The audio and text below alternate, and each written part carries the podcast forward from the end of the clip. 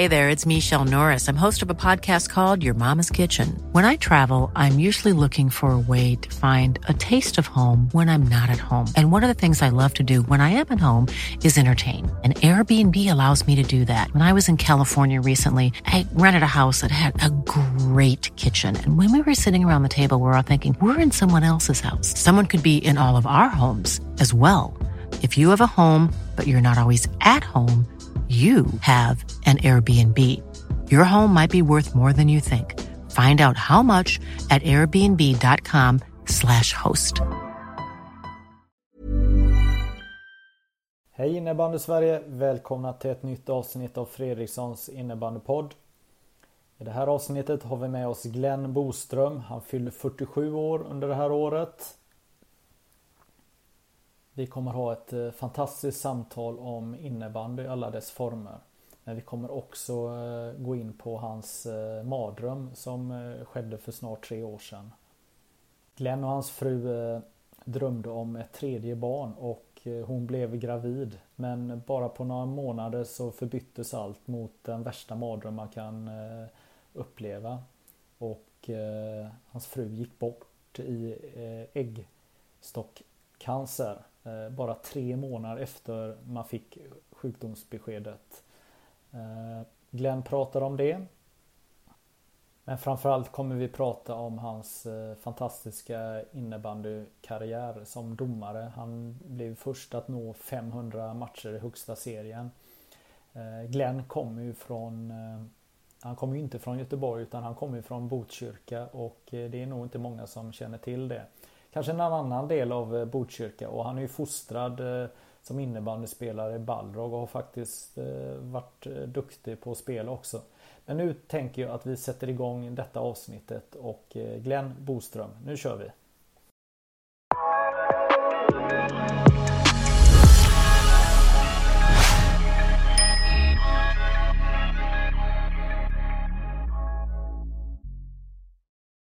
Ja, då säger jag välkommen till Glenn eh, Boström. Hur är läget?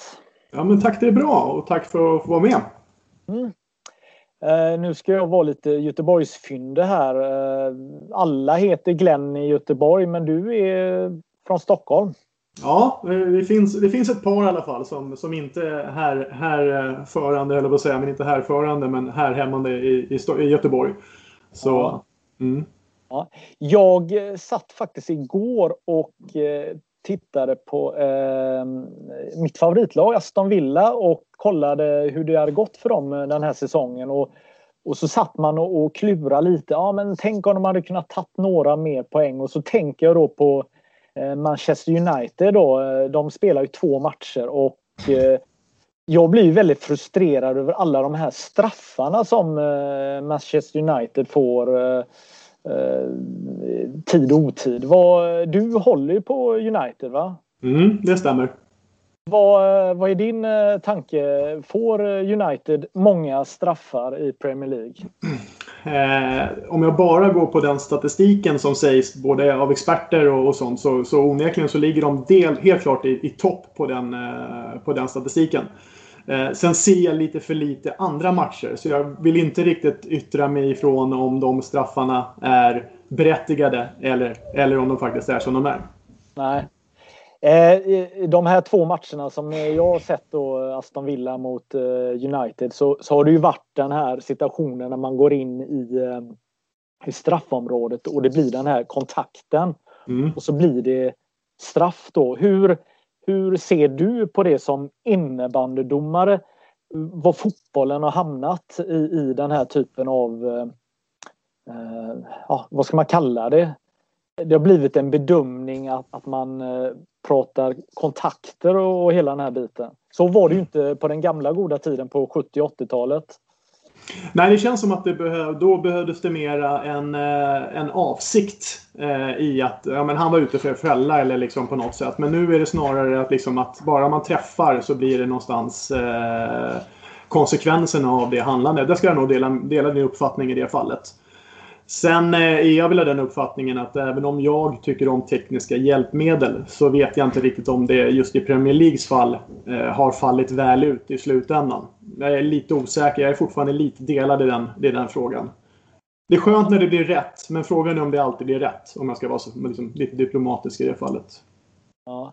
Är det någonting ni har diskuterat bland eh, innebandydomarna, det här med VAR och, och den här situationen som är i, i de här fotbollsmästerskapen och eh, Premier League?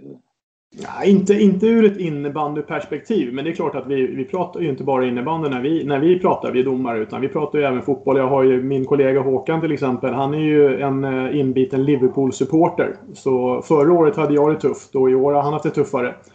Eh, men det är klart, och han är ju fotbollsdomare också. Så där har jag faktiskt väldigt ofta mässat till honom och sagt liksom, är det verkligen så här det ska vara? Eh, då har han kunnat liksom gett mig bakgrunden kring regler och sånt. Och ja, än så länge har han inte sagt att det varit fel i alla fall. Så får vi lita på honom. Ja, just Vad, eh, kan du tycka att man kan jämföra någonting med att vara innebandydomare och eh, vara fotbollsdomare på den här nivån som, eh, som vi pratar om. Eh, eh. Eh, ja, men det, alltså, det är klart, alltså, i domaryrket finns det likheter oavsett sport. För du ska ju ändå ha en, en eh, vad ska man kalla det för, liksom en, en, en domar eh, profil. Alltså du ska ju ha ett, ett, ett, ett sätt att vara på som ändå passar in där liksom du inger ett förtroende. Du inger en professionalism. Eh, och sen är det ju alltid och, och, och liksom hur man tar emot människor.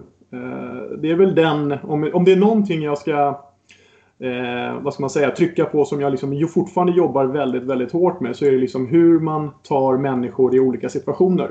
Eh, jag menar, det är, det är svårt att få en spelare som inte har blodet pumpar och, och liksom är helt över, eh, övertygad om att, att det jag gör är fel. Eh, att bara sätta upp handen och säga liksom att ja, fast jag dömer, eller jag är domare, jag bestämmer. Det, det blir aldrig bra. Och för liksom någonstans försöka landa i någon så här gyllene medelväg att jag förstår att du är upprörd, men nu har jag tagit beslutet och kan vi jobba utifrån det. det, det den, den tror jag, den går nog igenom alla, alla domare eh, oavsett sport skulle jag säga. Eh, finns det några detaljer, nu hamnar vi i fotbollsspåret här och kanske inte eh, planerat men eh, Finns det några situationer som du känner att oh, det hade varit skönt som innebandydomare att ha? Jag tänker Det finns ju mer tidsutrymme i, i att vara en fotbollsdomare. Det är ju lite lite mer mellanrum mellan mm. alla beslut. Eller mm. hur tänker du? Jo, men det, det, är väl klart att det är. Men å andra sidan så kan ju det också få en nackdel. Jag menar, om du tar ett domslut. Eh, och eh, när jag säger att det kan vara en nackdel så tänker jag utifrån mitt eget perspektiv. Jag menar om du någon gång tar ett domslut som du känner att undrar om det där vart rätt. Du kanske får en del eh, uppmärksamhet eller liksom, reaktioner på det. Då vill du ju så snabbt som möjligt kanske bara försöka jobba vidare in i matchen. Och där är ju innebandy ganska tacksamt på så sätt att situationerna avlöser varandra. Man, det finns inte alltid tid att gå och fundera på om det där var rätt eller fel. Utan nu måste jag vara fokuserad för att kunna ta nästa beslut. För blir det också fel, då hamnar jag ju liksom ännu mer på minus i så fall. Eller det behöver inte bli fel, men blir det tveksamt eller otydligt. Eh, det är först efteråt som man kanske kan sätta sig ner i lugn och ro och titta på sändningen och sen säga att ja, okej, det där beslutet vart inte så bra. Jag tänker två eh, saker till eh, gällande eh, fotbollen här. Jag, jag tänker i, i, fotbollen har man ju mer än i innebandy det här att en massa frisparkar som man är tvungna att ta. Alltså när en spelare ramlar i vissa situationer där det är uppenbart att, att alla vet om att det här blir frispark för försvarande lag. Mm. Och, eh, hur, hur, hur, ser du på det som innebandydomare när du tittar på, på eh, fotbollsmatcher? Ja, det beror ju lite grann på vad ställningen är och leder ens lag så är man ju helt på det klara med att, att keepern, han fångar bollen så ska han lägga sig ner över bollen och gärna ligga kvar en liten stund. Om någon får en hand på ryggen så, så viker sig gärna benen. Och Alltså det är väl någonting som på något sätt har jobbat sig in i fotbollen. Alltså tittar man på det nu så vet man att det kommer komma. Man, man kanske höjer lite på ögonbrynen ifall det sker lite tidigare än vad man har förväntat sig. Men, men någonstans så är det ju liksom, jag förstår ju de som, som blir så pass frustrerade att de skriker högt att det borde vara effektiv speltid. Uh, nu vet jag inte vilken fotbollstränare som sa det bara senast i, i, i media här nu att de tyckte att de skulle införa liksom den här effektiva speltiden i slutet. Så så nej, jag har nog blivit ganska luttrad i det fallet. Att jag inte riktigt reagerar på det sättet. Mm. Vad, jag tänker senaste eh, fotbollsmästerskapet, oj vad mycket fotboll det blev här, mm. men, men då tog ju Sveriges Television in eh, en expertkommentator, vad heter han? Eh, Jonas Eriksson va? Ja. Mm. Hur, hur, tyckte du att det jag tänker även i innebandyns värld, alltså att, att man helt plötsligt tar in en som har spelat och ger en, en större bild på idrotten är det något som vi skulle kunna ha i innebandyn också? Eh, tänker jag. Ja, men varför inte? Jag menar liksom... Nu är jag ganska insnyltad, så alltså i min värld så, så tycker jag ändå att do, våra domslut, om en bedömningsmässigt, så är det liksom antingen är det frislag eller så är det inte frislag. Och så är, utvisningar kan ju vara lite knepigare ibland om man inte får hela kameravinkeln eller kan se det på repriserna. Fotboll däremot känns ju någonstans också, om man ska gå tillbaka till din fråga där för att prata med den. Där är ju liksom, ja men ta handsregeln. Hur många gånger har man inte hört olika förklaringar på handsregeln till den milda grad att experterna de vågar inte ens kommentera längre vad de tycker. Utan de väntar och ser vad som har hänt. Eh, och där, kan man få in en domare som då kan berätta eh, liksom, ja, men det här säger regeln och så kan alla utifrån vad han säger i det fallet göra den egna tolkningen. Jag tror att ska, ska det bli bra innebandymässigt då behöver vi nog ha en tv-produktion som faktiskt visar mer än en kameravinkel skulle jag säga. För det är alldeles för ofta, det, det tänker jag även själv på när jag, när jag liksom går igenom mina matcher. Där man tycker att när man står på plan så tänker man att ja, men det här är inga konstigheter i den här utvisningen. Det här, det här köper alla. Och så går man hem och kollar på, på eftersändningen eller på reprisen och så tänker man men det där ser inte ens ut som att det är någonting överhuvudtaget. Varför blåser jag där? Och, och vice versa. Ibland tycker man att men det där var ingenting alls. Och sen så, så när man tittar på det så tycker man att varför tog jag inte en utvisning där? Så jag tror att ska det bli, ska det bli Ska det ge någonting så behöver man nog ha videomaterial som liksom styrker det man, det man försöker säga. För att bara sitta och säga att det här säger regeln. Ja men då måste du också kunna se ett videoklipp så du vet vad du ska förhålla dig till tror jag. Men vad är det som eh, bestämmer att eh, man ska ta ett beslut? Är det regelboken eller vad är det som avgör? Eh, Ja, regelboken är alltid det vi förhåller oss till. Eh, det, är, det är den någonstans vi har kommit överens om att vi ska, att vi ska använda oss av. Sen är det, jag menar, det är alltid någonstans. Jag menar, har man hållit på så länge som jag har gjort så vet man ju också lite grann som det här med man kan för, förväntningen. Alltså jag och min kollega Håkan har ju uppfattningen att när vi blåser i pipan då ska inte det komma som en överraskning. Eh, alltså när vi tar en utvisning eller tar ett frislag då ska det finnas en förväntan från lagen att gör jag det här nu då finns det en risk att jag kommer bli avblåst. Och blir de avblåsta för det är när, när en spelare tror jag blir överraskad, det är då de här kraftiga reaktionerna kommer. Eh, som sagt var, det då, så liksom kan man minimera dem eller i alla fall minska på, på överraskningsmomentet i en, i en avblåsning. Då tror jag också man minskar på frustrationen. Eh, sen kommer det fortfarande vara frustrerande att åka på en utvisning, det tror jag säkert. Men kan du förvänta dig att den kommer komma, då, då tror jag att du eh, kanske kan förebygga din egen frustration lite grann. Mm. Precis, så att den frågan jag ställde om eh, är regelboken eller om det är tolkningarna av regelboken som gäller. Vad, vad är det som gäller då? Alltså... Ja, men eh, ska du, ska du sätta med, ska du ska ha ett, ett exakt svar så kommer svaret bli efter regelboken. Men någonstans är det också så att, att regelboken ska ju tolkas även från oss domare. Det gör ju att om du sätter upp tio domare så kommer du och sitta på en och samma situation så kommer du säkert ha i alla fall ett par avvikande åsikter om vad det där är för någonting. Någon kanske vill fria, någon kanske vill ta en, en frislag och någon kanske vill ta en utvisning. Eh, det är ju det som är ett väldigt jobb som vi försöker göra nu, att, att i alla fall i, i, i eh, eh, Superligagruppen. Eh, att liksom i domargruppen att, att någonstans närma oss att det ska inte skilja sig mycket. Det kan skilja sig på, på kanske på en, vad som är ett frislag och vad som är en utvisning. Men att förseelsen ska tas. Den ska alltid någonstans eh, finnas i hela gruppen den överraskningen ska inte finnas beroende på domarpar. Är det sånt ni eh, då diskuterar när ni har era gemensamma träffar? Den här typen av eh, saker? Mm, ja, men vi har ju två träffar. Vi har ju en på, på, vet det, på i augusti ungefär och sen har vi en mittsäsongsträff. Eh, och mycket av det fokus som ligger där ligger just kring att, att hur kommer vi närmare oss en, en gemensam bedömning. Och där skulle jag faktiskt vilja sticka ut hakan och säga att eh, så jämnt som vi har dömt i år, eh, som grupp ska vi säga, det har vi nog aldrig varit så länge jag har dömt eh, på den här nivån.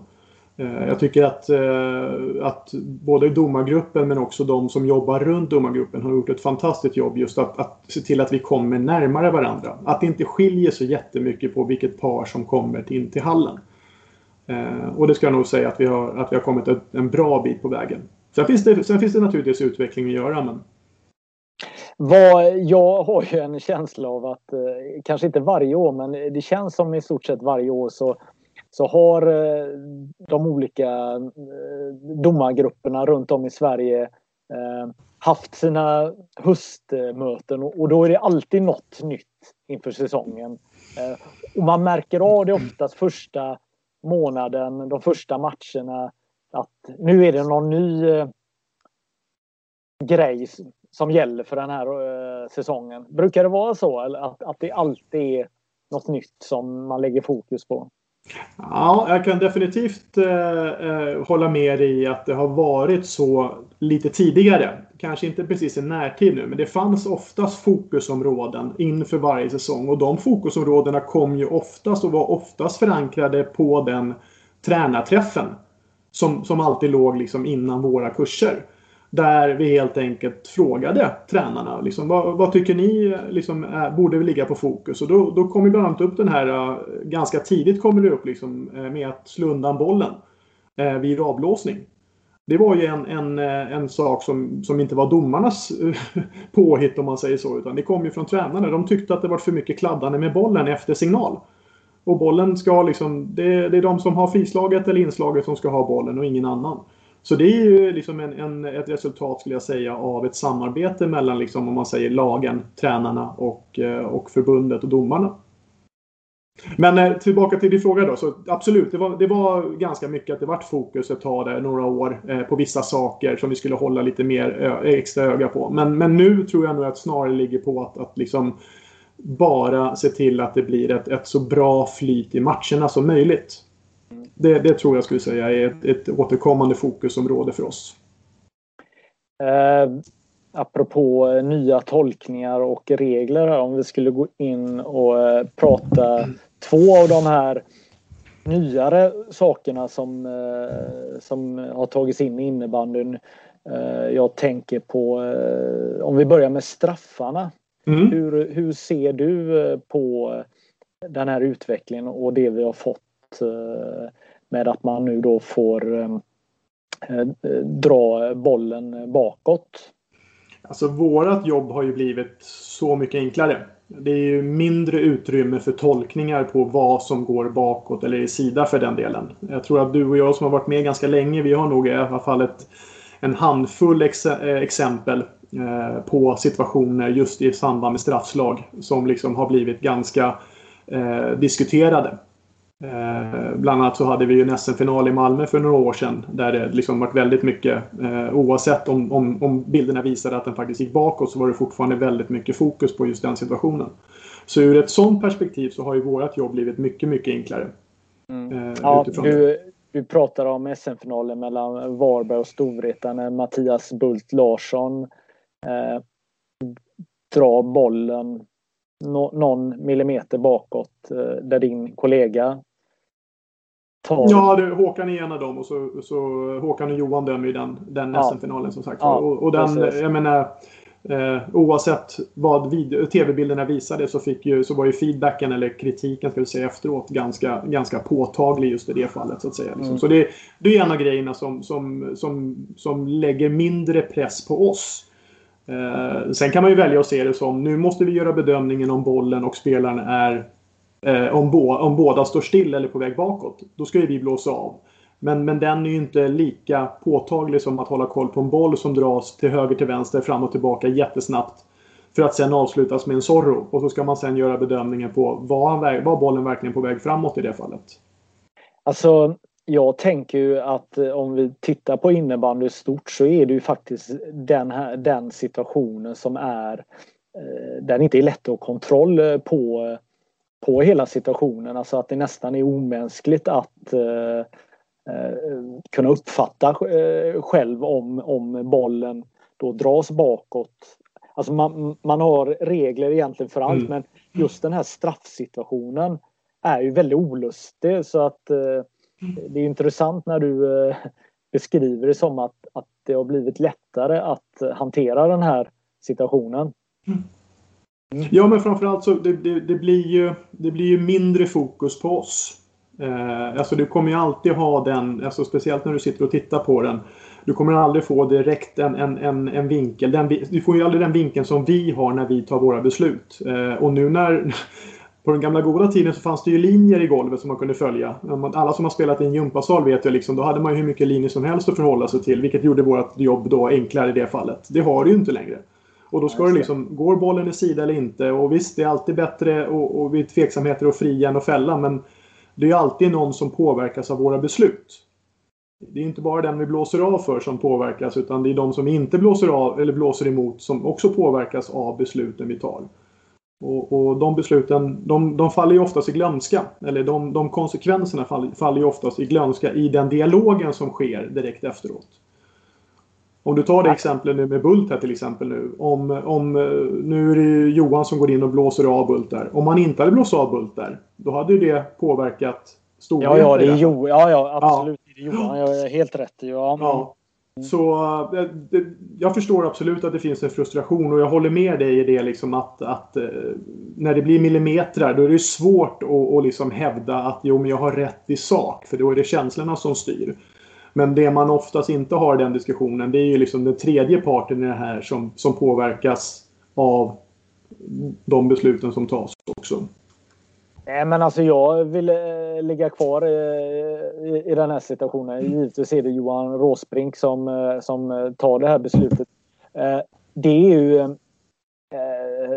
egentligen jättetufft eh, läge för en innebandydomare.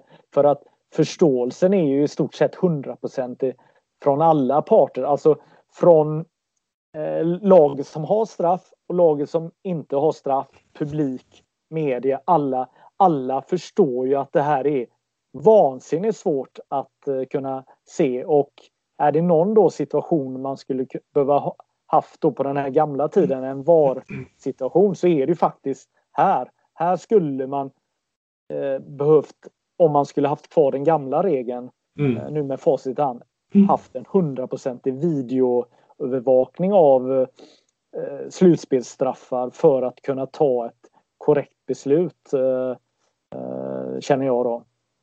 Ja, nej men eh, absolut. Eh, risken är ju då att du kommer sitta och, och, ha, du och jag som följer Premier League, att då kommer du sitta och se på en TV-skärm där någon försöker dra raka streck mellan vart, vart är 90 grader och vart, vart går bollen i en rörelse. Och frågan är om det är den innebandyn vi vill se, liksom, att vi sitter och väntar på ett besked där och då. Eh, kanske inte är riktigt rätt person att svara på det som sagt var. Jag, jag vill att det ska bli rätt. Eh, definitivt. Eh, mm. Det vill jag. Det, så, så svaret på frågan är att det har blivit bättre med den uh, nya straffregeln? Ja, men det skulle jag säga. Mm. Mm. Ja. Eh, sen går vi över till den andra nya regeln då, den här eh, tekning då att det relativt snabbt då tas ett beslut att eh, någon felar och då får eh, det andra laget eh, frislag. Mm. Hur ser du på den situationen? Nej, men jag tycker det, det är också en tydlighet. Eh, sen, sen är det fortfarande, det ställer sig mer på sin spets utifrån att, att eh, förut så bytte du ut spelaren. Om någon fuskar och då byter ut spelaren så får man en ny chans på sig att göra nu. Eh, men jag tror att det finns en förståelse i liksom att, att, att men gör bara rätt så kommer vi komma igång. Eh, det är få gånger jag skulle säga under en säsong som, som liksom det blir väldigt eh, väldiga kommentarer kring en, en, en tekning. Eh, naturligtvis så är det oftast den spelaren som, som eh, råkar ut för att ha förlorat tekningen som oftast har en kommentar på att men vänta nu, han vred sin klubba eller han börjar lite för tidigt eller får man göra så eller någonting sånt. Men, men jag skulle säga att sånt dör ut ganska snabbt. Eh, och ofta så dör det ut med ett löfte om att jag ska, jag ska kolla lite extra på nästa tekning och då brukar det oftast gå ganska bra. Mm. Jag eh, är lite tveksam när jag faktiskt har suttit och funderat eh, på just den här regeln för att någonstans så är det ju situationen fortsätter så snabbt så att det blir, kan ju aldrig bli något diskussionsforum eftersom motståndaren står ju redan vid bollen oftast och kan starta ett anfall direkt.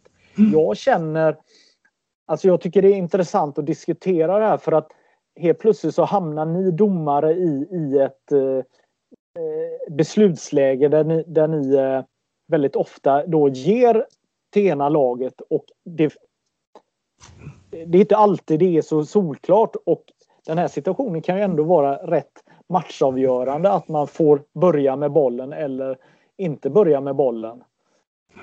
Nej, men de, de, enklaste situationerna för oss det är ju när någon tjuvar helt enkelt. När någon drar med sig bollen. Då, men i de lägena så är det ju aldrig ett problem. Där är det ju aldrig någon som ifrågasätter eh, just den situationen. Eh, de, grej, de gångerna det blir liksom ifrågasättande är ju när man tar bort en spelare fast det, allting ser jättebra ut. För att de antingen håller för långt ner, för att de har vänt på sin hand. Eller för att de vinklar sin klubba eller, eller liksom flyttar klubban. Precis när vi ska blåsa så flyttar de fram sin klubba för att få det här extra övertaget. Vi, alltså, vi, vi har, jag försöker alltid jobba med den liksom att, att om vi ser hälften av de gångerna det sker, då tycker jag vi har gjort ett, ett ändå okej okay jobb. För de har blivit så otroligt duktiga på, inte på att fuska skulle jag inte vilja säga, men på att liksom utnyttja alla fördelar de kan få. Eh, och det finns flera situationer under en match. Liksom, det senaste vi hade diskussionerna ganska mycket nu kring, eh, kring slutet här nu just om stängningar och liknande. Vad är en avsiktlig stängning och vad är liksom bara att man springer in i någon? Men just att de är så, de är så, de är så bra spelarna på just att ta de här övertagen. Så när vi väl ser dem eh, då kanske det blir ganska avgörande i det fallet. Ja. Mm. Eh, om vi är kvar vid teckningarna. Alltså jag upplevde ju under 10-15 år, ja, kanske 20 mm. år att, att, att man på något sätt accepterade spelreglerna för teckning. Alltså hade du Mika Konen mot Anders Hellgård i en tekning mm. så, så visste de eh, vad det handlade om. Vi lägger upp den och så kör vi en tekning.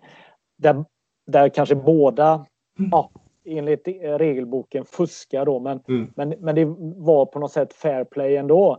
Mm. Eh, att, att var, jag förstår ju att man vill ha bort de här omtagningarna på eh, tekningarna. Eh, var det det som var den stora grejen det här att man inte ville hamna i situationer att en tekning gick om tre gånger eller vad, vad är anledningen till den här ändringen?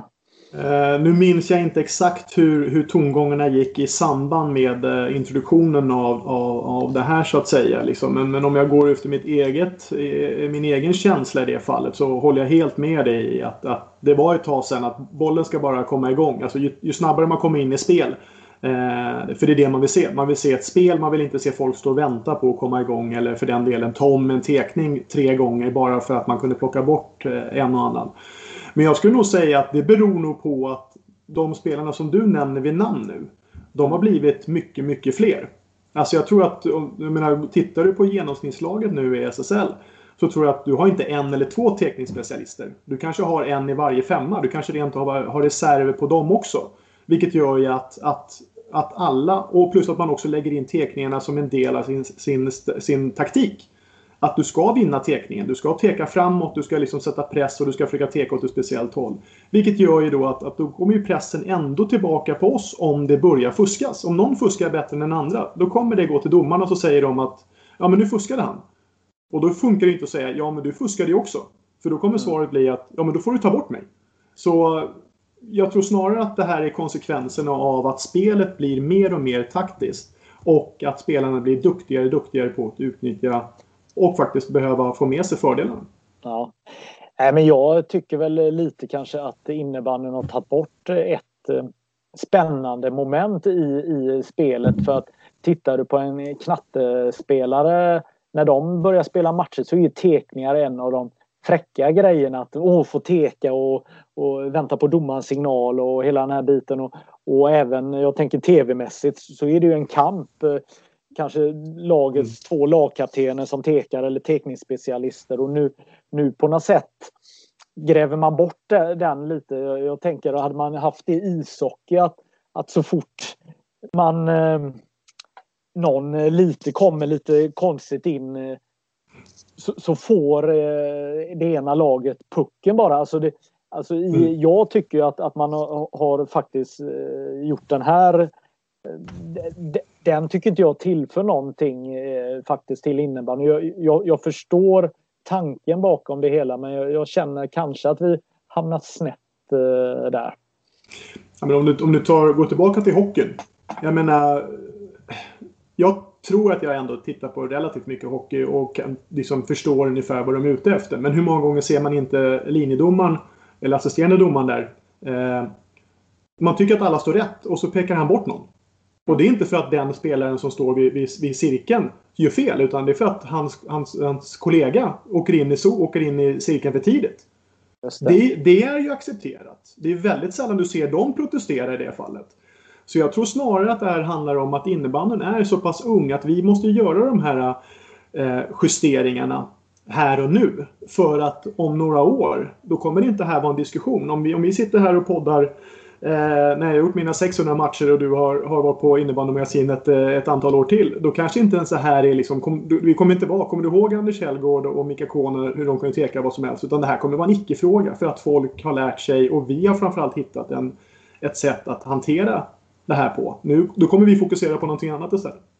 Ja, nej men det, visst, visst är det så. Jag menar, jag, jag tänker ju själv då när man spelar i distriktsserierna under de här åren när man då eh, levde med eh, elitinnebandyn mm. SSL och vet hur man tekar. När man själv då skulle teka på SSL-sätt i division 3 och, och, man har domare som inte ens vet vad SSL är och bara de fattar ingenting. Ja, men så kan du inte teka Fredriksson. Alltså, jo, mm. men det är ju så det funkar. Så att, mm. Visst, det har blivit en tydlighet eh, där då, men mm. ja. Det, jag, jag tänker så här att eh, nu eh, eh, ska vi lite gå tillbaka och lära känna dig lite mer. Kan inte du berätta lite om din innebandyresa? Jag menar, du har ju... Du började ju som spelare i Balrog och ja, du var ju ganska duktig som spelare också, eller hur? Ja, det, det beror, ju, beror ju på vad du pratar om. Min, min mamma har alltid tyckt jag var duktig i alla fall. Nej, ja. skämt åsido. Nej, men jag, som sagt, precis som du säger så är jag uppväxt ute i norra Botkyrka i, i, eh, i Balrog-regioner. Så jag började väl faktiskt spela när jag gick i sjuan. Eh, alltså när jag var typ 13-14 där någonstans. Då pratar vi runt 87. 87 någonstans där. Eh, i de, där. Eh, men eh, som sagt var, eh, Ballog var en ganska duktig förening så jag var väl aldrig riktigt eh, nära tror jag att ta en plats i A-laget eh, i det fallet. Så, så efter, eh, jag lyckades ändå med att ta ett SM-guld tror jag med juniorerna. Tillsammans med, eh, hade Bruno Lundberg som, eh, som tränare och han vet jag har dykt upp i, i, eh, i den här podden ett par gånger. Så. Men det, det måste varit jäkligt kul att vara med i Balrog då eh, 93. Jag menar herrarna vinner SM-guld och det är sån jäkla hype runt, eh, runt spelarna och runt klubben. Och, och så vinner ni eh, junior-SM mm. ungefär i samma veva. Hur var jo, det? Men, jo, men, jo men verkligen. Alltså, jag menar Balrog var väl ett av de, två, de, lagen, de få lagen som liksom frekvent förekom i media. Och att kunna säga att man spelar i Balrog. Det, det, liksom det, som, som 14, 15 år, 16-åring så ger det någonstans liksom den här street credden som man tycker att man, att man borde ha och förtjäna. Eh, sen ska jag väl helt ärligt säga när jag ser tillbaka på den tiden så var jag inte ens eh, hälften så bra innebandyspelare för att kunna liksom ta, ta del av den credden. Men, men eh, klubbmärket gjorde ju definitivt sitt. Åkte man till Stjärnkuppen i Karlstad eller vart man åker någonstans. Eh, nu ska vi se, vad hette den? Inte Faluspelen hette det inte, men Falun hade ju också en, en ganska stor juniorturné där uppe. Så, Just det. Alltså, det var ju speciellt att gå runt med den här overallen på. Eh, och det var ju en extremt rolig tid eh, just med, i föreningen och, och kring det. Det var, det, var faktiskt, det var faktiskt min eh, nästa fråga. Du hade väl mm. en overall? Oh ja! ja. Den tog man den, inte Den var viktig eller? den tog man definitivt inte av sig. Eh, hade passat ganska bra tror jag med dagens ungdomar nu som går i mjukiskläder och träningskläder konstant. Eh, nej, det var, det var träningsoverall på under större delen av min uppväxt i alla fall. Och så. Vad, eh, jag som är från andra sidan eh, Sverige. Mm. Eh, jag har ju varit i Botkyrka och, och mm. du, känn, du känns ju inte lika ruff som vissa andra. Vad, kommer du, finns det olika delar av norra Botkyrka? Eller hur, berätta, förklara. Ja, men det, det, ska man väl kunna säga. Norra Botkyrka är väl, är väl rätt, vad ska man säga, Eh, invandrartätt område på så sätt. Det, det, är det definitivt. Men, men jag tror att om man kommer från de områdena då, då, ser man det inte riktigt på samma sak skulle jag säga. Jag tror jag har mycket eh, i min uppväxt eh, att tacka för just att kommit och fått sett olika kulturer och framförallt ett lag som Balrog som är väldigt inkluderande utifrån eh, att liksom alla ska spela innebandy. Alla ska spela den roligaste eh, idrotten som finns och det är innebandy så tror jag nog att det har, har gett mycket, mycket fördelar på sätt och vis. Ingen, eh, ingen slump här att det kryllar av människor eh, som är aktuella idag på elitnivå eh, från just Balrog. Jag menar, vi har eh, Christer Kalte, vi, vi har eh, Brottman, vi har Niklas Hedstål, vi har dig, vi har mm. ja, eh, Bruno. Det är ju många som, som forma sin eh, innebandy eh, ja, och sitt liv eh, kring innebandyn i tidigare, tidig ålder på något sätt. Mm. Nej, men jag tror att alltså, nu kan jag inte svara för de andra. De, de får naturligtvis förklara varför de håller på med innebandy idag. Men, men för mig så jag fastnade så otroligt tidigt. Och sen naturligtvis ska jag inte sticka under stolen med att i och med att jag har lyckats haft en, en, en rätt framgångsrik karriär just inom dömandet eh, så har ju det varit någonting som har varit lätt att fortsätta med. Eh, och motivera sig själv. Eh, som sagt var. Eh. Hade man haft det lite kämpigare eller kanske inte riktigt tyckt att man, att man fick fram sin, sin fulla potential. Ja, men då kanske jag hade slutat tidigare. Det, det vet man liksom inte. Men, men det är så otroligt roligt med innebandy. Ja. Var, vi hoppar lite här men, men du höll ju faktiskt på att spela fram tills du var runt 30 år och, mm. och, och, och spela då till 2004. Eh, och, och eh, höll på. Det är många som inte vet om att du överhuvudtaget eh, har spelat. Jag menar, många vet ju om att du har spelat eller att du har dömt över 500 matcher i, mm. i högsta serien på herr och damsidan. Vilket du är ensam om. Men, men det är inte så många som vet att du också då har spelat på olika nivåer eh, under väldigt många år. Men det jag tycker är jäkligt häftigt, alltså vi som var med på den gamla goda tiden, vi vet ju att man tog egentligen alla roller eh, på 80-talet om man eh, brann för innebandy. Man, man blev ledare, man var spelare och, och man också blev domare då. Jag mm. själv började döma Eh, som 19-åring 1991 och dömde i 12-13 år. Eh, och det var ett komplement till att man spelade. Det var en, eh, en chans att tjäna lite pengar och, och samtidigt som att det var väldigt roligt. Eh, och, ja, man levde ju i den här innebandybubblan men du började ju som riktig knatte som 30 13-åring var det va? Eller, ja, jag började spela som 13-åring. Sen eh, lite tveksam där. Jag tror inte jag började döma direkt. Jag tror jag behövde i alla fall en eller två säsonger. Så ja. det var väl kanske snarare runt 14-15 som jag började döma på distriktet. Ja. Eh, och det var väl runt 95 sen som jag, som jag fick eh, förfrågan från min dåvarande kollega Svenne Hamrin om jag ville... För det var då Jocke Nordström eh, senare tränare i AIK hoppade av och döma. Och då stod han utan kollega. Och då frågade han mig om jag kunde tänka mig att döma med honom. Och det var väl då vi gick upp på, på förbundsnivå så att säga. Dömde då division 1 på den tiden. Ja. Eh, där. Så ja. fram till dess så var det ju bara eh, alltså på distriktet för att tjäna de här extra pengarna som man kunde liksom roa sig eh, efter, efter dömningarna. Mm. Precis, jo men så var det. Det var, mm det var bra för ekonomin att döma de här matcherna.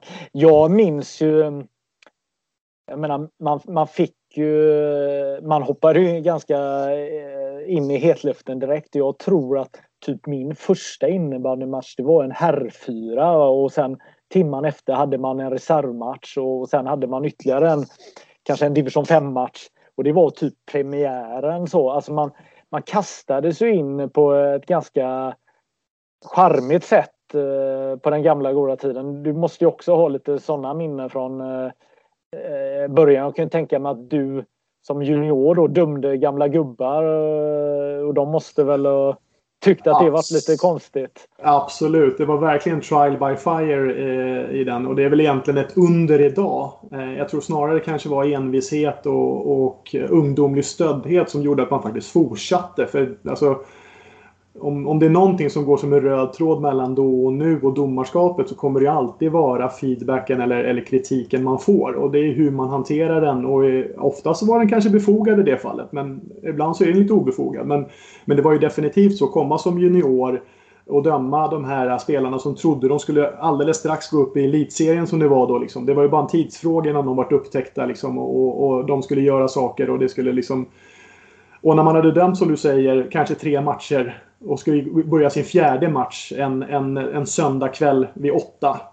Alltså kvaliteten var ju därefter också, både på, på mig som domare men också på de som spelare. Så, men ofta så, så gick det väldigt bra ändå. Alltså just, jag tror någonstans att, att, att folk tycker innebandy är så roligt. Att man har en viss förståelse för att så länge vi får spela så ska det nog kunna gå att lösa det här. Eh, skulle jag säga. Ja, men man kanske var trovärdig också på något sätt att eh, de eh, förstod, även om man var ung, att oh, men den här eh, Spelevinken, han, han spelar ju innebandy också. Han tycker mm. ju det här är kul. Eller vad tänker du? Jo, men så är det. Och sen tror jag också att, jag tror att utmaningen för nya domare är liksom att, att våga ta plats. Alltså, du pratar inte söka uppmärksamheten, men att, att man ser en sak och faktiskt blåsa och sen förklara varför man blåser. Rätt eller fel, men du tar ett beslut. Ett, liksom, då kan man förhålla sig till det. Det är när man inte tar eller man börjar vela och det blir osäkert och liksom, de märker att men nu kan vi köra på. Det är då någonstans det blir den här kanske lite svårare stämningen att hantera. Eh, jag tror att liksom, i, i många fallen så bara tar du beslutet, du står för ditt beslut och sen lägger du till att det kan mycket väl hända att hade jag stått på din sida och sett det från ditt håll då hade, det, hade jag säkert tagit ett annat beslut. Så jag säger inte att du har fel, jag säger bara att det var så här jag såg det. Mm. Mm. Nej, men jag, när man själv tänker tillbaka, jag ska villigt erkänna att eh, de två, tre första åren så hade man ju betydligt mer eh, matchstraff än vad man hade de eh, andra åren där på något sätt. Och, och, när man var uppe i det så tyckte man att man kunde det här och att man men när man tittar tillbaka på, på sina första år så kanske man förstod att man satte sig i, i situationer. Ibland kanske man till och med hjälpte till och provocerade fram vissa reaktioner från eh, eh spelare och, och sådär och, och hamna i situationer som man sen arbetade bort. Mm. Ja, men det, det är jag helt övertygad om att, att jag, eh, jag hade nog fått räcka upp handen ganska många gånger och, eh, och erkänt liksom att, att man var att man var roten till en, en, en, en, jobbig situation. Eh, genom antingen sitt, sitt agerande eller, ren, eller rent av besluten man tog. Och man kunde liksom inte köpa när någon väldigt fint påpekade att det där var nog inte riktigt rätt. Ja, då gick man in i försvarsställning snarare än gick in i liksom en, en, en form av dialog där man kanske då sa att nej men du har säkert rätt. Eh, jag kan ha sett det fel men nu, nu tog jag beslutet så nu får vi liksom jobba tillsammans för att komma vidare härifrån så att säga. Precis, för du har ju eh, både varit en väldigt ung domare och eh, ja, nu är du äldre. Alltså, alltså när man, man får ju jobba mycket mer för sin eh, pondus om man är 22 jämfört med 44. Eller hur? Ja men, ja, men så är det absolut. Jag menar, men så är det väl i, kan jag tänka mig i livet i den allmänhet. Alltså, eh, säga vad man vill om, om grå hår men, men det är ju ändå en liten trovärdighet. En lite mer trovärdighet i, i det man gör. Eh, nu vet jag inte om det kanske just eh, hjälper i innebandysammanhang att man har grå hår men, men någonstans så, så tror jag ändå den rutinen man har skaffat sig och att man faktiskt är ett, ett, ett, ett välkänt namn på så sätt att man, man har lättare att ha en dialog kring det. Mm. Eh, sen tror inte jag att inte vi, jag och Håkan blir, blir eh, utmanade mindre bara därför att. Utan jag tror snarare att vi utmanar på ett annat sätt. Och att vi har verktygen att kunna ta dialogen på ett sätt som kanske lugnar ner det lite, lite snabbare än för en 22-åring som, som gärna då vill, vill eh, inte hävda sig men, men vill, vill så gärna att det ska bli rätt. Jag tänker ju att om man spelar fram till man är 30 år då man, man börjar spela när man är 13, eh, börjar döma när man är 14-15 och eh, fortfarande håller på så, så måste ju kärleken till innebandy vara enormt stor för dig, eller? Jo, men alltså, näst efter min familj och, och framförallt mina barn i det fallet så, så, så finns det ju ingenting heller jag, jag, jag vill göra så att säga. Liksom. Eh, nu fick jag ett, eh, ett, eh, ett ofrivilligt sabbatsår då förra året. Eh, I och med att jag tog sönder, eller skadade korsbandet i samband med en korpmatch i fotboll.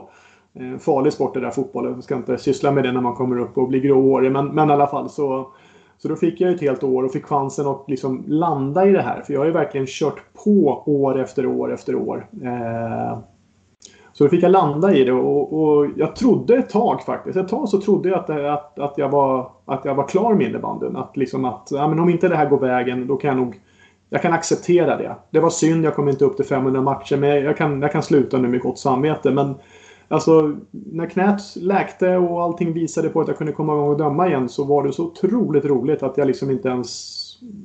Jag förstod inte riktigt var den tanken kom ifrån, att jag skulle sluta där och då. Men var det självklart att du skulle satsa på dumningen och, och försöka nå toppen eh, då när du började satsa? Nej, nej men det var det inte. Alltså, när, jag väl, eh, alltså, när jag och Svenne började döma så var det kanske snarare bara att det var så otroligt roligt att liksom få vara en del av, av e, eliten om man säger så. Eh, det var väl inte förrän liksom man kände att vi faktiskt hade någonting att erbjuda. Eh, det var några av de gamla rutinerade rävarna som, som la av. Eh, det skapades lite utrymme för, för, för mig och Svenne och vi kände liksom att vi hade ett, ett, ett sätt. Det här var ju då, ska man tänka på, innan headset. Så det här var ju liksom eh, en helt annan typ av dömning på den tiden. Eh, och då kände vi någonstans att det här liksom... Nej men vi fick bra feedback och vi hade chansen att hävda oss och fick liksom chansen på en del slutspelsmatcher. Tyckte att det gick bra. Eh, då kände man liksom att ja, men det här kan leda någonstans. Och sen var det ju då i samband med eh, SM-finalen 2009. Eh, vår första SM-final. Som vi faktiskt fick det här kvittot på liksom att, att, eh, att vi, vi kan döma innebandy. Och, och då, liksom, då, då växte ju många andra mål fram som att liksom kunna sikta på att bli internationella och liksom kunna ligga kvar i toppen eh, en längre tid. Ja, så det blev en målsättning då att ja, men det här vill vi göra om? Ja, ja, men, ja, absolut. Man får definitivt en blodad tand. Har man någon gång varit på en SM-final eller i något stort innebandysammanhang eh, så tror jag nog att man förstår vad, vad tjusningen är i det hela. Och, och har man också fått vara en del av, av liksom underhållningen om man så säger, om man kallar det för en underhållning. Då vill du vara, du vill vara, det, det, blir som ett litet gift, du vill vara där. Du vill kunna vara med och liksom hävda dig och, och synas i, i rätt sammanhang naturligtvis. Mm. Hur är det att att, alltså det är ju en sak att vara i, att, att döma i distriktet. Man åker 20 minuter åt ett håll och så åker man till hallen, döm, dömer sin match. Har man tur så har man två matcher eh, och sen åker hem. Men hur är det att, att leva det här att man vet att till helgen har jag en bortamatch i Tjotahejti och, och eh, den här resan som ska göras fram och tillbaka. Kan du beskriva hela den biten? Ja, men där, där framförallt så har det ju blivit en... en, en eh, vi har jobbat hårt för det, men jag tycker ändå att det finns en, en väldigt eh, väl inarbetad professionalism Eh, I alla fall i, i, i, i högsta serien både på herr och damsidan. Just att, precis som du säger, att, att matchen börjar så pass mycket tidigare än än dagen, alltså på morgonen när man vaknar. Alltså ska man ta sig någonstans då behöver du se till att du har förberett dig för resor. Eh, du måste prata ihop det med kollegan i det här fallet. Som Håkan bor i Jönköping och jag bor i Stockholm så är det, liksom, det är mycket kring resorna som ska passa in. Eh, liksom du följer ju lagen på ett helt annat sätt nu för att liksom veta förutsättningarna när du kommer till match och liknande. Eh, och sen ska den civila situationen passas in också. Jag menar, ta ett läge när du flyger upp till, till Umeå till exempel. Speciellt i år då där flygresorna har varit eh, färre att välja mellan. Eh, I år var faktiskt första året sedan jag började döma innebandy som jag faktiskt var tvungen att bila upp till Umeå. Just på grund av att flygen inte gick som de skulle. Så jag och Håkan satte oss i bilen och bilade upp. Så vi fick liksom känna på hur, hur många av lagen har det när man ska upp till Umeå. Eh, och vi har tagit nattåget hem, vilket inte har skett förut. Utan de har oftast flugit upp på dagen, man har dömt matchen, man har sovit över och så har man flugit hem på morgonen. Eh, så det ju, ställer ju högre krav på, på att man liksom har ett civilt skydds, eh, ett skyddsnät eh, i det civila som sagt var. Mm. Och ta hand om, om barn och, och jobb framförallt. Mm. Men samtidigt är det ju också någon form av eh, avkoppling. Alltså de här resorna, transporterna. Det är mycket egentid och om ni nu åker tillsammans. Det kanske ni inte gör alltid men, men det blir mycket tid att eh, att prata, att uh, reflektera över egentligen vad som helst. Ja, men det blir det ju. Jag menar, liksom, jag, varken jag eller Håkan har ju liksom problem att sitta i bilen med ljudbok eller för den delen liksom bara sitta och koppla av lite grann och, och, och åka fram och till match. Och vi försöker i mesta möjliga mån eh, att samåka så mycket som det går, att vi möts upp någonstans. Eh, men det är inte alla matcher det går till. Eh, just att alla, alla områden som det går att, att få till det på. Men när vi kan det så gör vi det. Ja. Men eh, just i mitt och Håkans fall så krävs det att man, att man trivs ganska mycket med sig själv. Eh, för det blir ganska mycket ensamma timmar i, i bil och, och på tåg och, och i flyg. Mm. Eh, jag tänkte på det här med förberedelse. Eh, vad, vad, tycker du att man som, som spelare och lag ska kräva att eh, en domare ska vara förberedd när matchen eh, eh, Eh, spelas och då tänker jag inte på att man ska ha sovit och eh, ätit eh, och de här bitarna och, och komma i tid. Men är, det något annat som du tycker? Alltså ska man Ska man ha koll på var lagen befinner sig i tabellen och alltså och spelar det någon roll om det är på SSL-nivå eller allsvensk nivå eller division 5? Vad, vad, vad, vad tycker du? Nej, men där har jag faktiskt, jag har faktiskt svängt lite grann just i, i, den frågeställningen skulle jag säga. Det fanns definitivt en tid när jag kände liksom att oavsett match, om det är så, nu ska jag inte överdriva och säga en SM-final, men säg att det är ett toppmöte då. Kontra att det är toppen mot botten eller ett bottenmöte så har jag tänkt liksom att innebanden är fortfarande det, det viktigaste i centrum här nu. Att, att eh, förutsättningarna och hur det gick i matchen innan har ingen betydelse. Men jag, jag, jag har faktiskt svängt i den frågeställningen nu och tyckt att det, det handlar ju om respekt. Jag menar, här är, här är ju spelare och ledare som lägger ner ofantligt mycket tid. Och om jag då skulle komma dit och inte ha koll på hur, vad, vad, liksom, hur de ligger till i tabellen, om de har haft det tufft, om de har haft en uddamålsförlust eller för den delen om de har haft liksom andra utmaningar. Eh, det tycker jag kan vara lite respektlös på så sätt. Eh, så jag, jag, tycker nog definitivt att man ska, du ska ha koll på läget. Sen finns det ju nivåer på det naturligtvis.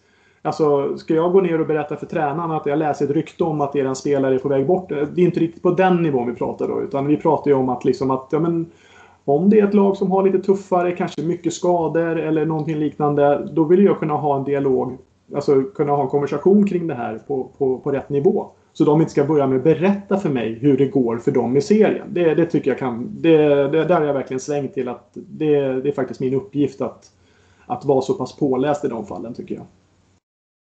Tycker du att det spelar någon roll eh, vilken nivå det är på? Alltså kan du tycka att man i division 3, division 4, division 5 också ska ha någon form av koll på vilken match man dömer?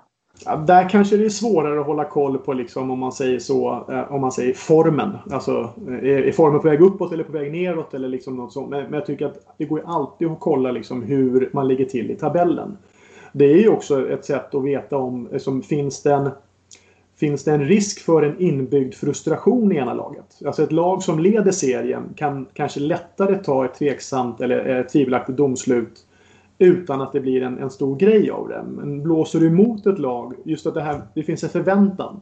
Det är samma sak att när jag eh, blåser ett domslut, då vill jag ha en förväntad reaktion av spelaren. När den inte när den blir kanske mer än vad jag förväntar mig. Då kan ju jag bli överraskad och hamna i en konstig situation. Så vet man om att det, men det är en otrolig press på det här laget just nu. De, de ligger väldigt pyrt till. Då kan jag också försöka hantera och vara tydligare i mitt dömande. Som förhoppningsvis underlättar situationen och lättare för dem att acceptera de domsluten de får med sig eller emot sig för den delen. Mm. Jag tänker ju som, eh, som spelare, om jag spelar match och jag möter ett lag så är det ju någon form av trygghet att man vet hur motståndarna agerar. Eh, det kan vara allt från att man vill veta, har de någon Zorro-kille? Har de någon spelare som spelar på något speciellt sätt? Det kan både vara fysiskt och det kan handla om skott och ja, alla de här mm. sakerna. Eh, känner du att som, som domare att det är en fördel att ha koll på spelarna, alltså kanske rörelsemönster och vad de eventuellt brukar göra? Ja, men det, det, måste jag nog säga. För det finns ju, alltså spelstilarna ändras ju väldigt mycket på olika spelare. Det finns ju spelare som vill ha en kroppskontakt med motståndaren för att kunna använda det momentumet att kunna vända bort den spelaren. Det är jätteviktigt för mig att veta det så jag också ger den spelaren den tiden den förväntas få i den situationen innan jag blåser för. För det finns ju ingenting värre än att samma veva som du blåser Ja men då drar, då, då, då, då drar spelaren bort sig eller då fintar han bort sin spelare och kommer fri. Och då har jag blåst. Och så får jag stå där, räcka upp handen i luften och be om ursäkt och säga ja men jag var inte riktigt med på den situationen. Eh, så jag, tror definitivt att det är liksom, eh, av vikt att veta de spelarna som sticker ut ifrån ja, men de som är lite mer ögonfallande i sitt spel kanske. Både fysiskt men också tekniskt i det fallet. Eh, jätteintressant tycker jag just den här detaljen är med den typen av spel för att vad, vad, vad vill du? Vill du ha någon form av dialog då att, att en spelare ska kunna säga till dig att, att man, man vill ha den här typen av eh, Fördelar? Ja, Eller men, man, man väntar in lite grann innan. Ja, men typ ja. att, att Glenn, jag har inget emot att spelaren kommer upp i, i ryggen. För det ger mig en trygghet att jag vet var jag har motståndaren. Eh, eller hur tänker du? Nej, nej men den, den feedbacken vill jag absolut ha. Och helst vill man ju ha den det kanske är svårt att få den innan. Det vore ju jättekonstigt om alla spelare så springer upp för domaren och berättar så här vill jag spela innebandy och jag kan köpa så här. Utan, men någonstans liksom den löpande feedbacken i sådana situationer. Eh, att liksom veta att ja, men den, här, den här spelaren vill gärna ha lite längre fördelar eller lite mer avvaktande för att det är en del av det spelet. Medan vissa kanske tycker att det är väldigt frustrerande när de, liksom, när de får någonting i ryggen och inte vill ha fördelen. För de vill hellre ha ett frislag och kunna sätta igång spelet lite snabbt på sina, sina medspelare. Så jag tror att för min egen del så, så är det information som jag vill ta till mig och försöka liksom jobba in i min dömning utan att liksom på något sätt ska påverka helheten. Men det är väl eh, en form av ömsesidig respekt, eh, tänker jag då, från de här spelarna och lagen där man kan ha den nivån på samarbete, eller vad man nu ska kalla det. Eller hur mm. tänker du? Jo men alltså, alltså, det här är ju som alltså innebandy, alltså själva om man säger produkten eller underhållningsvärdet i sporten är ju inte, ingenting för en enskild individ. Det är någonting vi gör tillsammans. Alltså ända uppifrån hela vägen ner. Alltså, det, det är någonting vi måste samarbeta och det går ju så otroligt snabbt där ute. Alltså det jag kan inte, nu har inte jag dömt någon annan sport, men jag kan inte tänka mig att det är så många sporter som har så många beslut på så kort tid och under, under en hel match.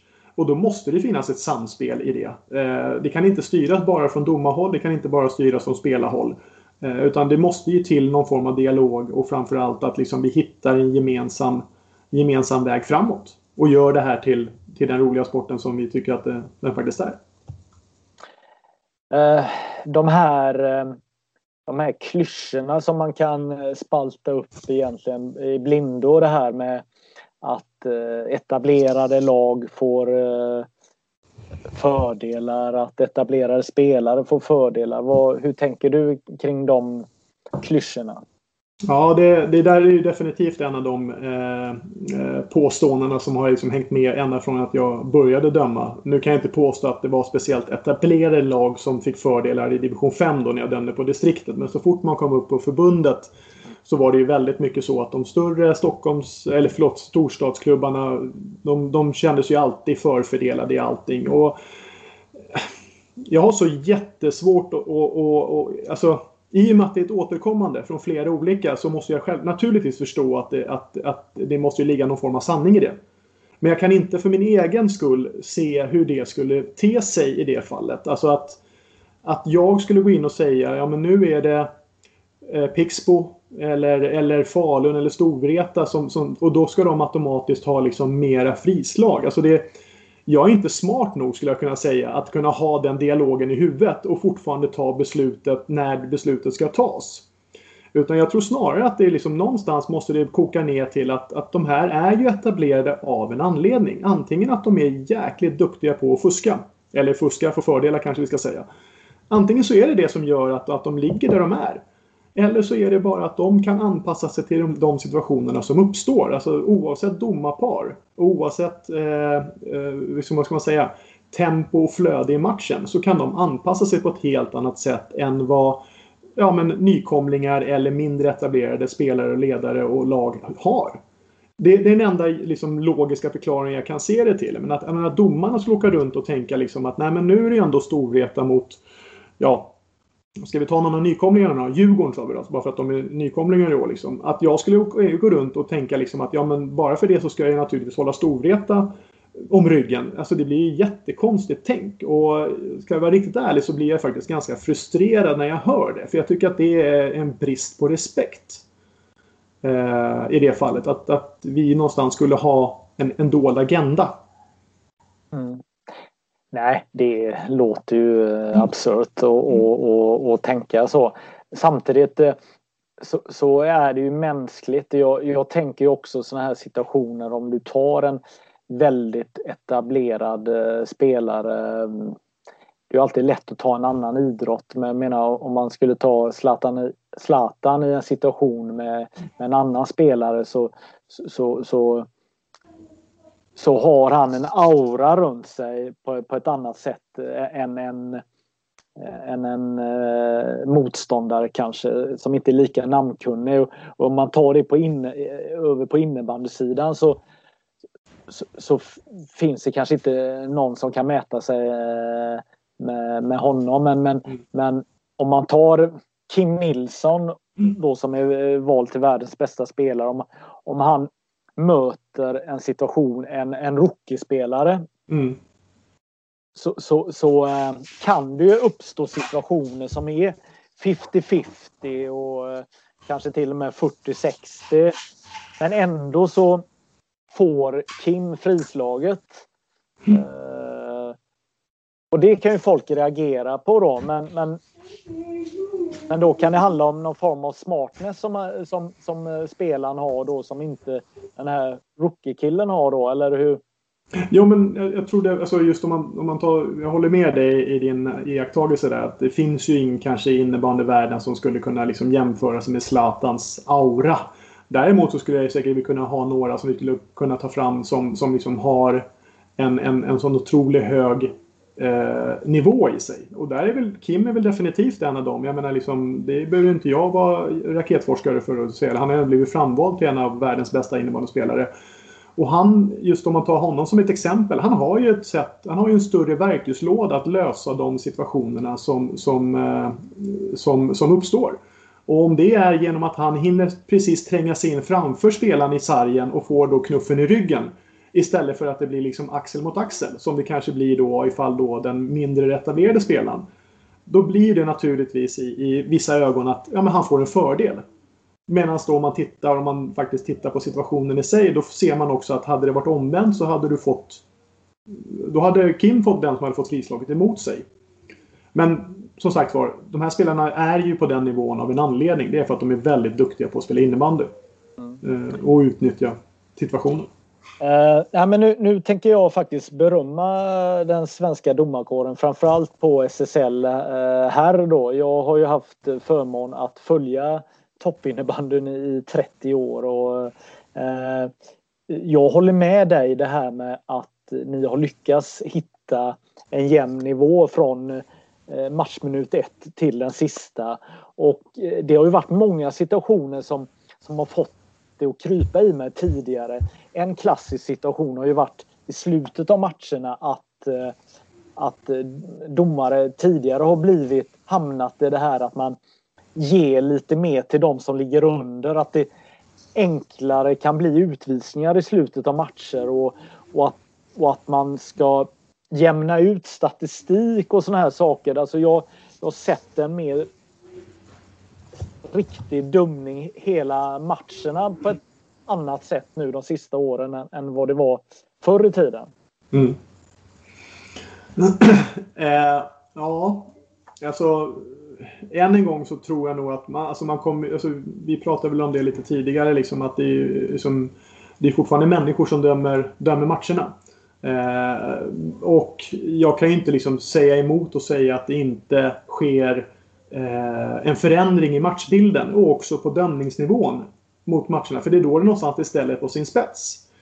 Men, men jag skulle ju också då kanske med, med en dåres envishet också vilja påstå, och, och nu ska man egentligen ha någon som kanske kan det här lite bättre än mig, men skulle man inte också kunna se det som att, att matchbilden ändrar sig också väldigt mycket i slutet på matcherna? Är det ett lag som leder, ja, då, då blir det andra laget mer desperata att göra en förändring. Så den matchbilden som du har i första och andra perioden stämmer ju inte alltid överens i sista. Och då, då liksom, när du ändrar på den balansen, om vi kallar det för en balans mellan domarna, nivån och lagen. Om du ändrar på den på ett eller annat sätt, antingen att domarna går in och gör en förändring, lagen spelar fortfarande på som de gör, men domarna gör en förändring av olika anledningar, ja då, då, då rubbar du ju på den. Men ofta så är det ett lag som börjar jaga och då på något sätt ändra på matchbilden vilket gör att det hamnar i situationer som inte har dykt upp tidigare. Och lägger du sen till det faktum liksom att ja, men, trötta hjärnor gör inte alltid de, de bästa besluten. Då kanske beslutet i sig inte är fel. Men det kanske inte passar in i matchbilden. Och då får du de här grejerna som sticker ut. Vilket gör att man känner att ja, men domarna gör ju det här bara för att det ska jämnas ut. Och då faller det tillbaka till min förra kommentar. Varför, vad skulle vi domare tjäna på att jämna ut matchen och göra den jämnare? Alltså medvetet säger jag nu alltså. Det finns ju ingen, jag tycker inte det finns någon logik i det. Utan snarare liksom att matchbilden ändrar på sig och då sätts man i andra situationer mot vad man hade innan. Men då kommer ju också andra beslut än de som man har innan. Eh, och det då kan då leda till att, att det faktiskt blir så att det känns som man kompenserar eh, någonting. Eh. Jag tänker också att, eh, att alla matcher eh, sänds nu på, eh, på nätet. Det måste också vara en tillgång för er domare. Ja, men absolut. Alltså det, det, det, hjälper ju oss, inte bara individuellt inom paren, att kunna titta på en match i efterhand, men också liksom tillsammans i gruppen. Att faktiskt titta på sina kollegor eh, på ett helt annat sätt, men också liksom kunna ta ut de här klippen som blir antingen bra eh, eller också liksom mindre bra och, och liksom på så sätt hitta en gemensam syn på, på, eh, på nivån som vi försöker hålla inom gruppen. Så det är ju, det är ju jättebra. Ja, jag kommer ihåg eh, på det glada 90 och eh, början av 00-talet då när man eh, reste runt i Sverige jättemycket och satt i olika sporthallar och, och följde matcher att det också fanns en domarelit som brann för innebandyn och åkte runt. De kunde sätta sig och åka 15-20 mil till Jönköping eller vad det nu var, Varberg, ja, Stockholm för att mm. se andra kollegor, för att se innebandy. Det behövs ju inte på samma sätt idag då nu när vi har eh, allt sänds. Nej men, nej men så är det ju absolut. Jag menar, så mycket som jag tror vi tittar på matcherna i eh, de här senaste åren. Eh, alltså även på andra kollegor och sånt. Det, det tror jag inte har skett tidigare på något sätt. Jag tror att jag tror inte det går en vecka nu utan att man faktiskt har en, en, en, en, en dialog eller, eller liksom ett, ett mässande med någon kollega kring någon situation, kring något agerande eller bara liksom allmänt liksom om matchen i sig. Eh, så det har ju definitivt hjälpt oss och också blivit en, en trygghet i det mm. fallet. Jag tänker ju också för domare som vill uppåt i sin karriär har ju också eh, ett smörgåsbord här att kunna följa och eh, ta intryck. Jo men, jo men så är det absolut. Jag menar, jag menar om man inte... Alltså det näst bästa man kan göra efter, alltså för att dö, alltså döma och sen lära sig få rutiner på det sättet. Det är ju att titta på liksom hur domare löser situationerna. Sen ska, har vi, jag höll ju domarutbildningar i Stockholm under en lång tid och jag tror att vi sa det. Det viktigaste är ju liksom att inte försöka, alltså att inte härma. Att man kopierar saker och ting och försöker utveckla det till sin egen del, det är ju en sak. Men du måste någonstans hitta din egen väg framåt i det fallet. Eh, men att kunna titta på både innebanden i sig men också hur domare löser situationer och, sånt. Det, det, tror jag är jätteviktigt och, och jättenyttigt. Mm. Eh, jag tycker faktiskt att det varit eh, magiskt här att vi lite har konstaterat, eller kanske var jag som konstaterade att eh, just den här runt straffsituationen är är en situation som är jobbig att hantera just för att det är i stort sett omöjligt för ögat att, att kunna avgöra, alltså, alltså det här gamla sättet att, att göra en straff och att den nya sättet att göra straff har mm. underlättat. Men nu vill jag komma vidare till två situationer den här säsongen som har varit som, som har fått eh, mig, eller det är en situation som uppstår lite då och då. Och det är två situationer och jag tänkte vi skulle börja med den första situationen. Det är ju i SSL på här sidan. Mm. Det är ju när Kalmarsund och Pixbo spelar match och det blir eh, Eh, en eh, utvisning för liggande spel när ena laget skjuter in en boll mål var det väl va? Så mm. var det va? Jag tror att domarna blåser väl mål i första läget och sen så, så konfererar de och kommer fram till att, att uh, han faktiskt var nere i golvet samtidigt som, som han spelar på bollen. Och så det, de vänder, resultat, de vänder uh, uh, konsekvenserna till att ta bort målet och sen ta en utvisning istället. Som för lag, för, ja precis, ja, för precis, lag mot, som, ja. som, som avslutar då. Mm. Och, och i, ehm, i min värld då så blir det ju en, en eh, dubbelbestraffning. Det blir en bestraffning att man inte får målet. Det kan man ju ha åsikter om. Och sen blir det en bestraffning också att man faktiskt blir utvisad när eh, när eh, det inte handlar om att man vill fuska eh, egentligen utan det handlar om att man faktiskt vill göra mål. Det kan ju finnas uppenbara alltså situationer där det är uppenbart att man ligger ner och spelar och, och vill göra någonting. Men här är det ju man vill ju göra mål, det är det man mm. vill göra. Mm. Så, så om vi ska ta oss igenom den situationen, vad, vad är det som händer och varför blev det som det blev? Ja, alltså egentligen varför det blev som det blev, det, det måste vi nog eh, prata med, eh, med Peter och med, med Daniel som, som dömde den matchen. Eh, jag kan ju bara dra mina egna slutsatser där och då. Och jag tror nog att, vi har pratat om det, varit inne på ett par gånger och jag, jag nästan tjatar det som ett mantra, men det går otroligt fort där ute. Eh, och det är inte alltid man hinner, alltså du tycker att du ser en sak. Eh, men så blir reaktionen någonting helt annat mot vad du förväntar dig. Och då blir du så lite ställd i det fallet. Så jag, om jag ska tolka situationen så tror jag att Peter i det här fallet som, som är den som blåser mål i första läget. Ser situationen, ser att bollen går in, blåser mål och tycker liksom att det där var väl inget konstigt i det.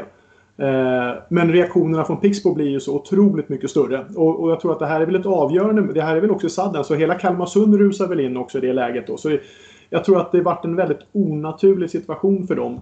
Eh, I det fallet att man då per automatik blåser mål. Utan att reflektera över att han faktiskt var nere i det fallet. Och när man sen reflekterar över det så kommer man fram till att men vänta nu, han är faktiskt nere. Och då kan vi inte blåsa mål och tyvärr så är ju regelboken ganska klar på det att om du spelar bollen liggande så är det en utvisning. Eh, och jag tycker ändå innebandyn har varit ganska duktiga på att ändå städa bort de dubbelbestraffningarna som har funnits tidigare. Alltså förut kunde du ju ha en avvaktande utvisning. Du kunde råka ut för en avvaktande straffslag. Och så liksom missade du det chansen, ja, då fick du en straff till, till... Du fick straff och sen om, om den också liksom inte gick i mål, ja, men då hade du fortfarande en utvisning med dig så du kunde bli trippelbestraffad. De grejerna har ju någonstans städats bort nu. Det här är ju snarare liksom en olycklig situation. Eh, I just det, hade det här skett i första perioden då hade nog folk bara skrattat lite grann åt det kanske. Nu sker det liksom i en sadden. Eh, Kalmarsund tror de har avgjort men det visar sig att de istället får sätta sig på botbänken. Och Pixbo avgör istället i ett sånt viktigt läge när poängen kanske var ganska viktiga för en det ena laget. Så, det, det, är, det, det, det är lätt för mig nu då som eh, inte har dömt eh, på 18, eh, ja, det är sjukt vad tiden går, men eh, ja, jag varit 20 många gånger och börjat döma igen men ja, jag vet inte hur det ska bli. Jag har aldrig fått frågan så att det kanske är svar nog. Jo, kanske en gång eh, eller två. Men, men, men jag som är en lekman nu då och eh, kan tycka mm. saker. Då, jag, jag hade ju velat... Jag hade ju... Jag förstår att, att man inte kan göra alla nöjda i hela världen med den här mm. situationen. Men, men jag hade ju på något sätt, eh, eh, om jag är någorlunda neutral, accepterat att domaren hade upptäckt att bollen inte riktigt låg still på platsen. Att, för det gick ju ganska snabbt det här att man på något sätt tar om situationen att nej, bollen skulle ligga här eller, eller den, den var... Alltså förstår du att, att där kan man rädda situationen och att någonstans så, så skulle det finnas en acceptans av laget som sköt in bollen i mål att, eh, att man får skjuta om situationen och de som inte släppte in eh, bollen i mål kan acceptera att det blir eh, ett omtag på något sätt och då har man räddat situationen. Vad säger du om den lösningen? Jo, men jag, jag önskar att jag, kunde, att jag kunde stå här och säga liksom att, att jag säkert hade löst det på ett annat sätt. Men, men det är ju, det är ju bara en, en, spekulation från min sida. Men, men det är klart att det finns att man samlar på sig en viss rutin. Man vet hur vissa saker går att lösa. Eh, jag kan inte sätta mig in tillräckligt mycket i den här situationen för att säga att man kunde ha gjort si eller man kunde ha gjort så. Men, men naturligtvis finns det alltid en förståelse. Men, men det vet vi ju inte i efterhand. Jag menar, vi säger nu, ponera nu att, att, att Peter och Daniel hade, hade gjort som du sa nu. De hade tagit bort målet och så hade de sagt att nej, men det, var en, det var en knuff i situationen innan. Så Kalmarsund får, får ett frislag istället. Så vi, vi säger nu att det hade varit lösningen. Jag menar, då har ju Pixbo blivit berövade ett powerplay. Då visst, de kom ju undan från målet, men de vart ju berövade ett powerplay som jag tror nog alla, jag tror till och med Kalmarsund är ganska på det klara med att ja, spelaren är nere när han slår in bollen. Men ändå någonstans så blir konsekvenserna så blir mycket värre i det fallet. Eller de kanske vill ha frislaget innan. Eller någonting sånt. Då faller det på domarna att någonstans tolka situationen och försöka lösa det på bästa situation. Och där någonstans så kommer ju rutinen in. I, och naturligtvis ett förtroendekapital. Eh, hade jag och Håkan stått där, jag vet inte om resultatet hade varit annorlunda, men det kan hända att vi hade haft en annan approach till den lösningen som hade gjort att det här inte hade blivit en sån eh, uppmärksammad eh, situation. Spekulationer absolut, men, men någonstans är det ju så att Thomas Tim, vår tidigare domarchef, sa ju alltid det. Du måste ju hamna i skiten för att veta hur du ska lösa skiten. Mm. och jag menar, jag och Håkan har nog hamnat i tillräckligt många skitsituationer för att veta liksom vad som funkar och inte funkar. Mm. Med det sagt så betyder inte det att vi alltid gör rätt. Men jag säger bara att ibland så kan man lösa det på ett sätt som att Okej, okay, det bryter inte fullt mot regelboken men, men det kanske inte är någonting man skulle ta upp på en domarkurs om man säger så. Nej, nej, nej. Men, ja, men jag, jag, jag, är med dig för det, det, det, han, det, han, det blir ju en viss typ av situationer ibland. Jag menar, låt oss säga att, att det blir eh, gruff eh, någonstans mellan eh, två lag med jättemånga landslagsspelare. Och, och, och det puts på varandra och, och eh, ja, mm. folk har plötsligt handväskor i, i handen och, och ramlar och till mm. höger och vänster och sånt där. Och, och eh, nya domare kanske är på hugget och bara börjar vifta direkt då medan rutinerade domare med 10-15 år står lite coolt och eh, avslutar med att det blir 2 plus 2 eh, för båda lagen. Alltså medan det unga paret eh, tar tre matchstraff i varje lag eller mm. röda kort. Då. Alltså, det, det, det, finns ju, det finns olika sätt att se på det eh, egentligen alla situationer. Eller? Mm. Nej, men det, det är en jätteintressant eh, eh, synpunkt du har där faktiskt. Och, och eh, jag delar ju naturligtvis den. Alltså jag och Håkan, vi kan ju bara, jag kan ju bara utgå från oss då som domarpar. Vi försöker att väl, alltså vi, vi, stressar väldigt sällan upp oss i de här situationerna. Eh, vi vet att det oftast löser sig ganska bra i slutändan. Och vi känner oss ganska trygga med att vi kommer hitta en lösning på det tillsammans som, som kommer bli bra. Eh, och ett, ett yngre orutinerat par är kanske lite mer benägna att vilja göra rätt från början.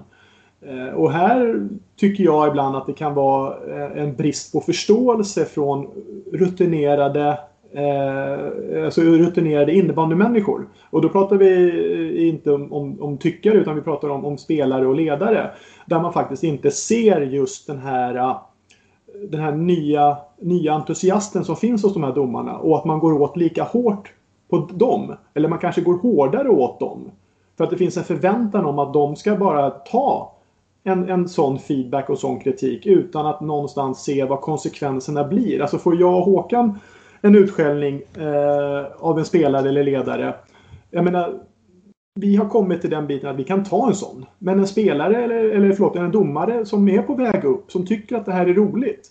Jag menar hur många hårfönar och hur, många liksom, hur mycket kritik kan en sån person ta innan man skaffar sig verktygen för att kunna hantera det. Eh, och det tycker jag också är en viktig diskussion just att det här att vad är det för omgivning vi vill ha med oss. Att domare ska få feedback och kritik, det, det, där, där kommer jag aldrig säga emot. Jag menar, vi är en del, på samma sätt som spelare och ledare och, och folk runt omkring får kritik för sina beslut, så ska vi också få det. Och agerande. Men det, bara, det måste finnas en rim och ranson i, i vad, eh, alltså hur mycket och, och, varför man gör det. Så att säga. Mm. Liksom. Att man kan säga att ett domslut inte blir bra, där är vi helt överens. Men när man börjar gå på och kritisera den enskilda individen som att det skulle vara en dålig person för att den tar ett felaktigt domslut. Där någonstans tycker jag att, då, då tycker jag att det har gått längre än, än, än, äh, än vad, vad domare eller, eller en person förtjänar i det fallet. Mm. Vem är det som ska leda alla de här samtalen hur, eh, hur innebandyn ska ta sig framåt i alla de här eh, situationerna där det handlar om vad som eh, är rätt och fel. Alltså är det domarna som ska sitta i en grupp och, och prata eller är det tränarna eller är det spelarna?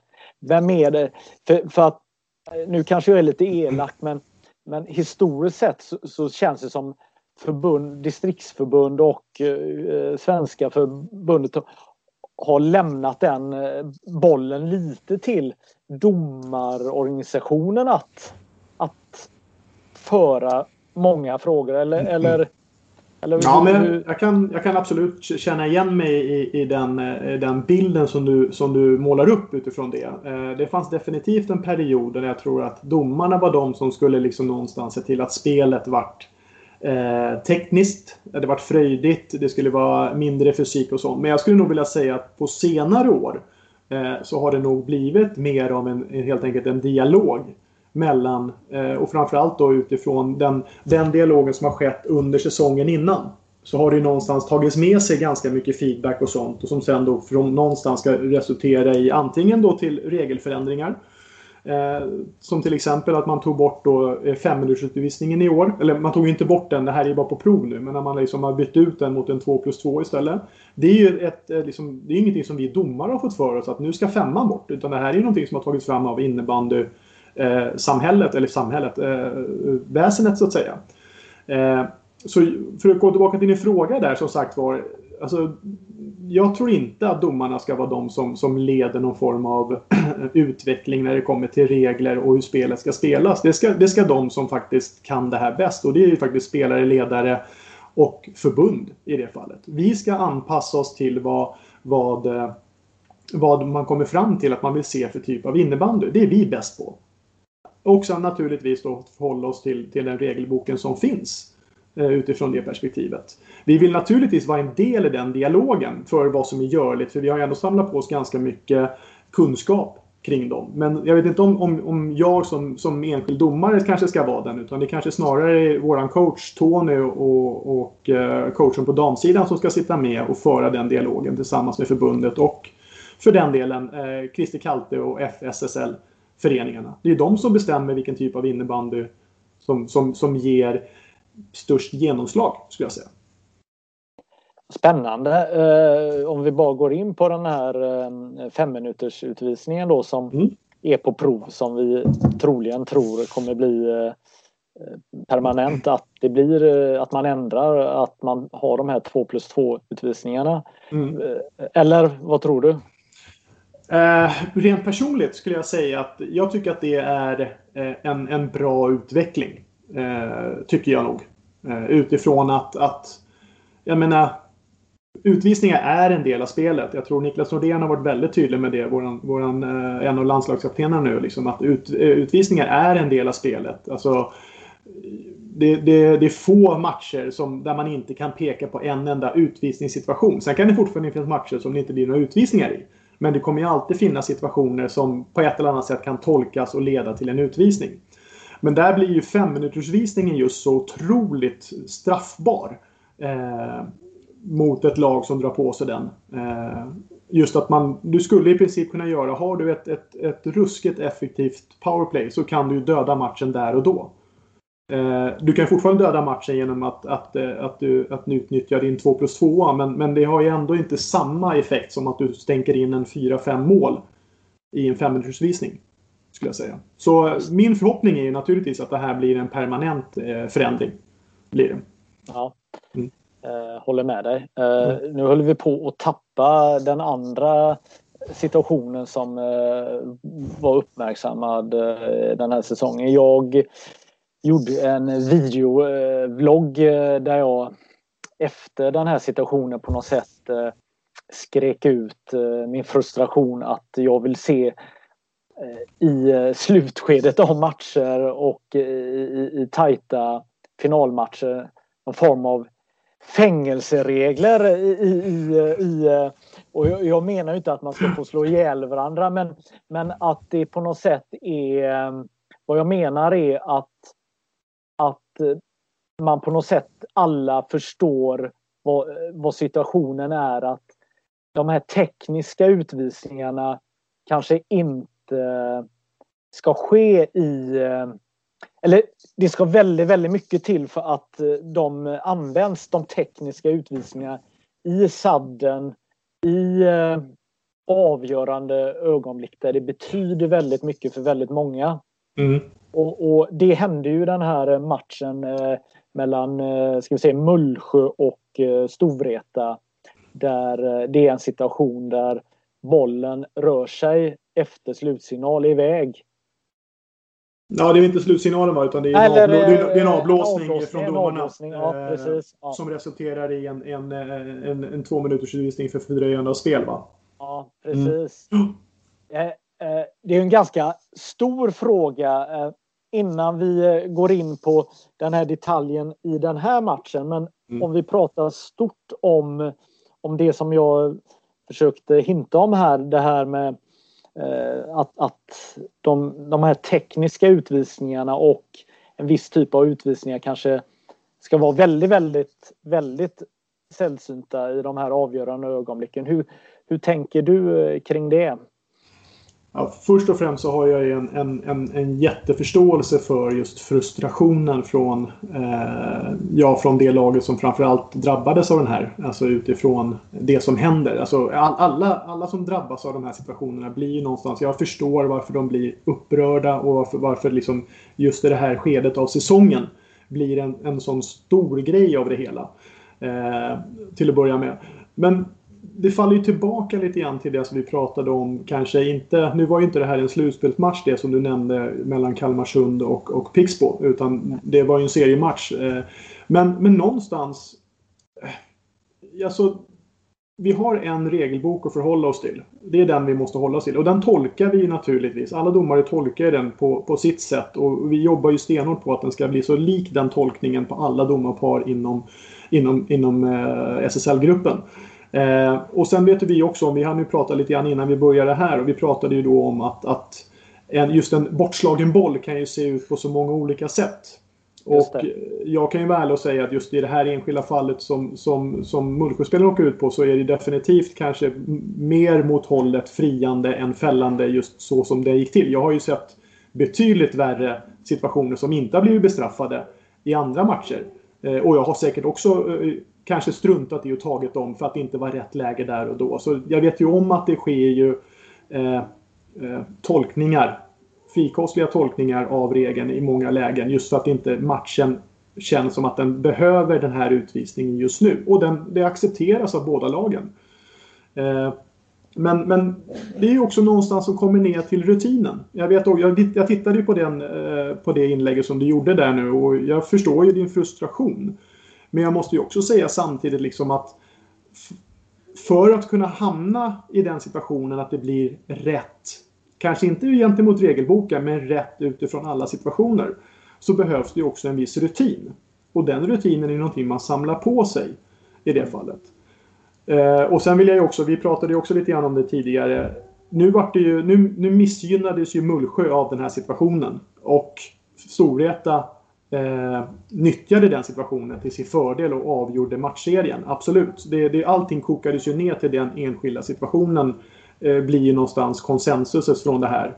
Man, man, struntar i de matcherna som har varit innan och så blir det liksom att det här blir avgörande för hela säsongen. Den här enskilda domslutet. Och den jag förstår frustrationen men jag tycker också att den diskussionen blir lite snedvriden. Just utifrån det perspektivet att, att det är där någonstans Mullsjös säsong dog. Det var när, när Martin i det här fallet tar en tvåminutersbevisning för, för ett fördröjande av spel som ja, mycket väl hade kunnat släppts vidare så att säga. Ja, men jag, jag, jag är med dig i situationen. Jag, jag kanske inte eh, tänker så att, att hela säsongen avgörs där utan det är ju mer den plötsliga eh, vad heter det, avbrottet på mm. att, att det är över, det är game over på något mm. sätt. Men, men jag tänker ju mer att ähm, att ähm, ja, vad är det jag tänker på något sätt? Alltså det, det är ehm, de här ehm, oskrivna reglerna som, som finns äh, på något sätt. Men, men man kan alltid luta sig mot eh, regelboken och hävda sin rätt. Alltså någonstans så, så finns det avståndsutvisning och det är tre meter. Mm. Eh, man kan alltid mäta upp och säga att ja, men det var 2,73 alltså är det rätt att eh, Mullsjöspelaren blir utvisad för felaktigt avstånd. Men att, att, att för man ska ta en Mm. utvisning så för avstånd så kanske det måste vara i det här fallet framför Mullsjös mål och Mullsjöspelaren står 1,10 ifrån. Alltså står han 2,73 även om det är framför eget mål så, ska man släppa det. Men, men, men i det här fallet så, så är hela situationen i eh, Storvretas... Eh, alltså det är så långt ifrån eh, fusk kan jag tycka i, i, i, i det här sammanhanget. Så att, så att Mullsjö förtjänar inte att bli eh, bestraffad på det här sättet. Och, eh, ja. Nej men situationen eh, till mångt och mycket, även om de kanske inte kan, eh, kan likställas helt och hållet. De, de situationer som du tar upp nu med Kalmarsund i det här fallet som tror att de avgör i sadden men åker på en tvåa. Eh, oavsett om det är rätt eller fel så är det. Och Mullsjö i det här fallet då som får ett frislag emot sig. Eh, och spelaren i det här fallet fullföljer sin, sin rörelse vilket gör att bollen rullar ifrån situationen. Eh, utifrån det fallet. Så, så jag förstår frustrationen. Definitivt. Ja. Och absolut, jag tror att jag menar, hade, hade Martin stått här nu, han, eh, domaren som tar utvisningen, så hade han säkert kunnat sagt att han hade velat lösa den situationen på, på, på ett antal andra sätt än den som han gjorde där och då. Men besluten måste ju tas. Och, och i det fallet, jag menar, om, om, om, om han inte hade tagit den eh, och så hade Mullsjö istället gått in och gjort, eh, avgjort i sadden och tvingat fram en till match.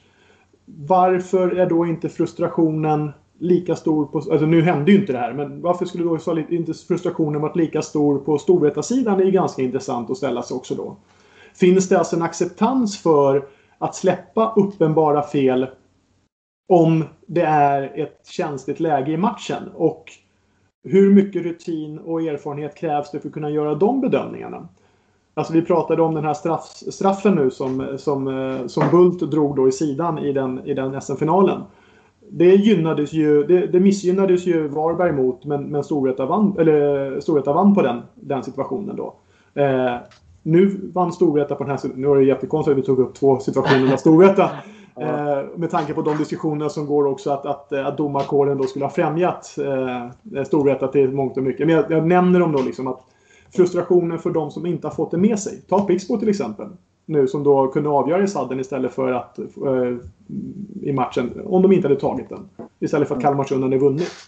Mm. Så jag förstår absolut diskussionen och det här är tillbaka till en förväntad bild. Alltså den förväntade bilden och den förväntade nivån som vi förväntar, eller komma fram till. Den måste ju någonstans ha en röd tråd i sig, tror jag. Precis. Jag tänker ju så här att, Eh, att jag hoppas ju att det här är eh, diskussionsämne för svensk innebandy och eh, ni som jobbar med de här frågorna att man kan diskutera de här ännu mer. Jag förstår ju att den här typen av situationer har ni ju diskuterat många gånger och, genom åren men, men för mig tycker jag det är intressant att belysa den här typen av situationer som ändå kan skapa väldigt mycket diskussioner och, eh, och känslor eh, åt alla håll. Och att, eh, att man kan se situationerna åt, åt eh, väldigt många olika håll på, på något sätt. Men, men vad jag vill komma tillbaka till på något sätt är ju ändå den här känslan av att när det är hur ska, man, hur ska man förklara, alltså om, om det går tillbaka till eh, när vi alla började med innebandy och vi spelade tre mot tre och vi spelade eh, turnering och vi har spelat åtta timmar och, och, man är inne i finalen, det är tre mot tre mm. och det står 5-5 och, och, och, det är saddenavgörande. Alltså när du spelar tre mot tre med de här småmålen. Du mm. vet ju om att nu jäklar. Eh, jag kanske får ett slag på fingrarna. Det, det, det kanske blir ruff och någon gör något. Nå, eh, alltså, mm. Utan att någon har berättat att nu är det på allvar och det är kanske den typen av av eh, situation som man vill ha en diskussion av att, att vi alla förstår att, att i sadden så blir det inte avståndsutvisningar. Det kanske inte blir eh, utvisning för fördröjande av spelet att man slår bort om det inte är att man slår den åt helt fel håll och, och gör något helt idiotiskt. Att man eh, stoppar bollen med handen. Alltså, nu menar jag inte de mm. här mm. självklara att man går ner och sätter sig som utespelare i målet och plockar. Alltså det, det, Nej, jag, det, jag, tror jag förstår. Jag ja, tror jag förstår vad du... Ja, du förstår vad jag menar. Ja, och, absolut. Ja. Ja, ja men jag, jag, jag tror definitivt att vi, vi, vi, behöver ha en fortsatt dialog kring sådana här situationer. För jag tror att vi kommer aldrig få bort sådana situationer. För men vi kommer alltid fylla på med nya domare och även domare som jag kommer ju någon gång sluta. Eh, och då kommer det fyllas på nya och då kommer de här situationerna uppstå igen. Och det, vi behöver ju hitta ett, ett, ett, ett, eh, en diskussionsnivå på den som blir någonstans inte ner på personnivå. Utan snarare liksom att vi hittar ett, ett flyt i spelet. Att vi kanske fokus ligger mer på att hitta ett flyt i spelet. Och ju mer matchen gäller så finns det en, en överenskommelse med att det är okej. Okay att vi också flyttar nivån därefter. Eh, för vi måste ju hålla en konsekvent linje också. Och du har ju sett tillräckligt många matcher för att veta liksom att en, en, en första och andra period kan vara hur lugn som helst. Oavsett om det gäller ett slutspel eller vad det gäller för någonting. Det kan vara en, en vanlig seriematch. Kan vara, alltså, det händer ingenting. Och sen i, i tredje perioden då händer snarare allting. Och liksom vart, vart följer nivån med och hur kan man få den här konsekventa linjen därigenom också utan att det skapar en viss frustration från, från, från ett eller annat håll. Som sagt var. Så jag tror att dialogen måste snarare vara hur hittar vi flytet i spelet tillsammans? Eh. Jag tänker på en annan eh, sak eh, är ju att ni är ju individer och era egna varumärken. Jag menar när du har dömt eh, som du har gjort nu 503 matcher i högsta serien så, så är du ett, eh, ett, ett varumärke. Eh, eh, du, jag tycker väl att du ska kunna ta att eh, i en match så, så kan folk tycka att du är helt värdelös. Och, och sen är det en ny match. Mm. Ibland så kan jag känna att, att folk, spelare, media, tränare, ja, grannar håller på att säga, mm. inte får ha den åsikten. med det domare. Att, att ja, men det här var skit och så tar vi en, en nya tag nä, nästa match. Uh, nu, nu, pratar jag under en serie. Jag menar, mm i ett avgörande slutspel så kanske det är eh, game over för säsongen om man skulle göra ett avgörande eh, misstag. Eh, precis som det är för en spelare. Att, att, att gör man självmål i sadden så åker en slag ut. Va? Men Eh, förstår du vad jag är ute efter? Ja men absolut, absolut. Och, och som sagt var eh, jag har absolut inga problem. Jag tror inte någon av mina kollegor i högsta serien har ett problem med att vi får feedback och även kritik eh, i våra domslut. Vare sig de är rätt eller fel. Alltså någonstans. Jag tror att frustrationen från oss och framförallt från mig om jag bara ska prata för mig själv. Det blir ju någonstans när det inte handlar om själva domslutet utan det handlar om mig som person. Ja men Glenn är en sån jävla sopig domare.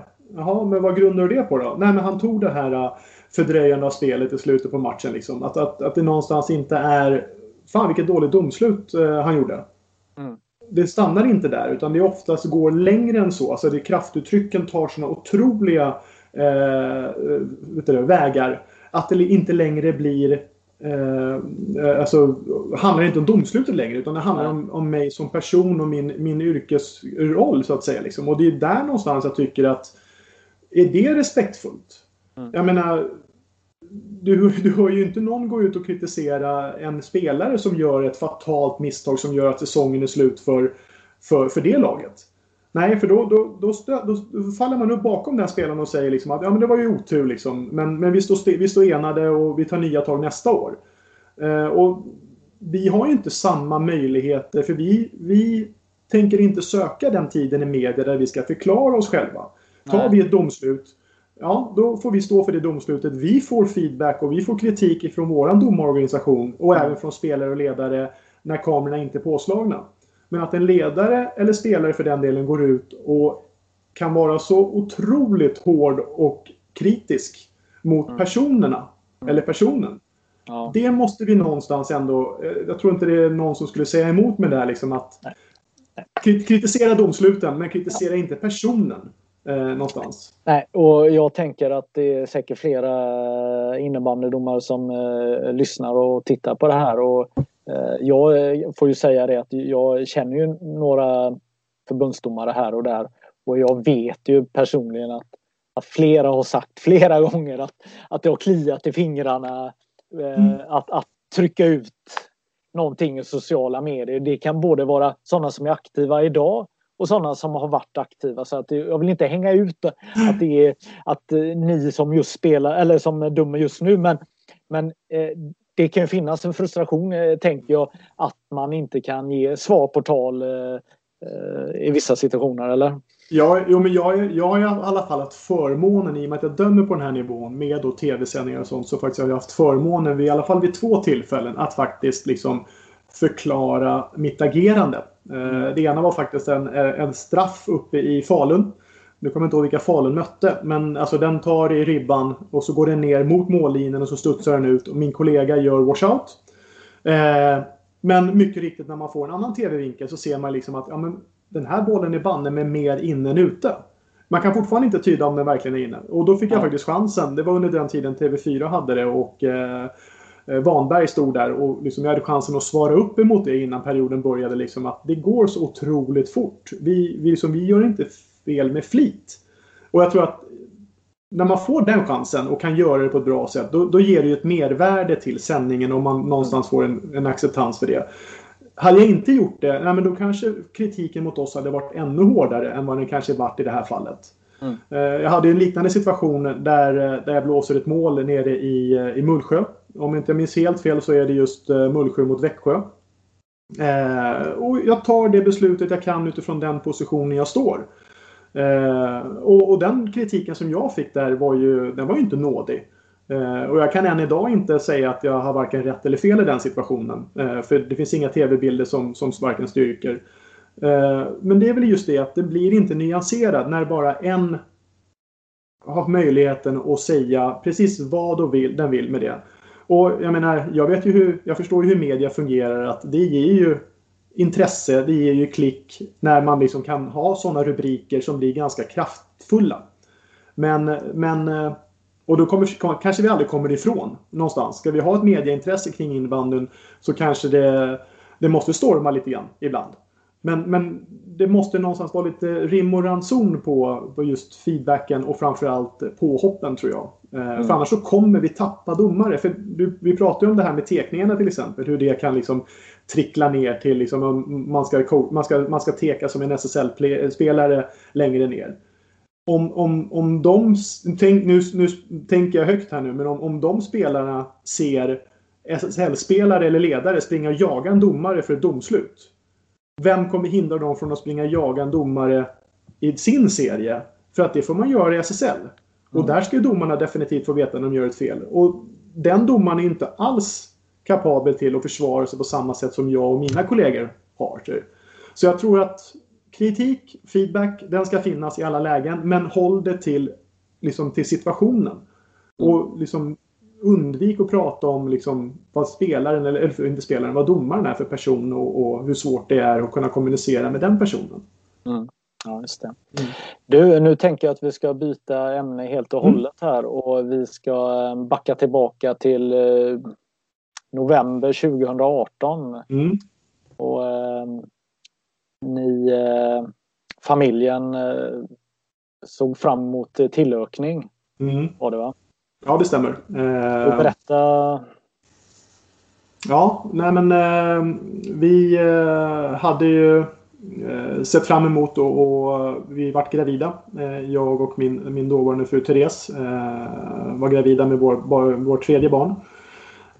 under graviditeten så, så kommer det fram att hon har en, en onaturligt stor cysta som växer i magen samtidigt. Eh, hon lyckas, eh, eller de lyckas väldigt duktigt operera bort den utan eh, påverkan på, på fostret så att säga, liksom, på barnet i det här fallet. Och det går bra. Vi får bort den och de säger att det här borde inte vara några större problem. Eh, systern hade visserligen spruckit men, men det var ändå inte eh, någon, någon, oro från deras sida. Utan de sa att vi kommer, vi kommer följa upp det här. Eh, några månader senare så, så, märker vi att, eh, eller så i samband med det här så missar vi vår rutinkontroll vilket gör att eh, ganska långt senare så upptäcker man då att, att, eh, att fostret inte alls har växt så som, som, som det var tänkt att det skulle göra. Och vi väljer då att göra ett avbrytande av graviditeten i det fallet. Vilket naturligtvis inte är ett lätt beslut för någon av oss. Allra minst för min, för min fru i det här fallet. Då. Och det här sker då i februari skulle jag säga att det är.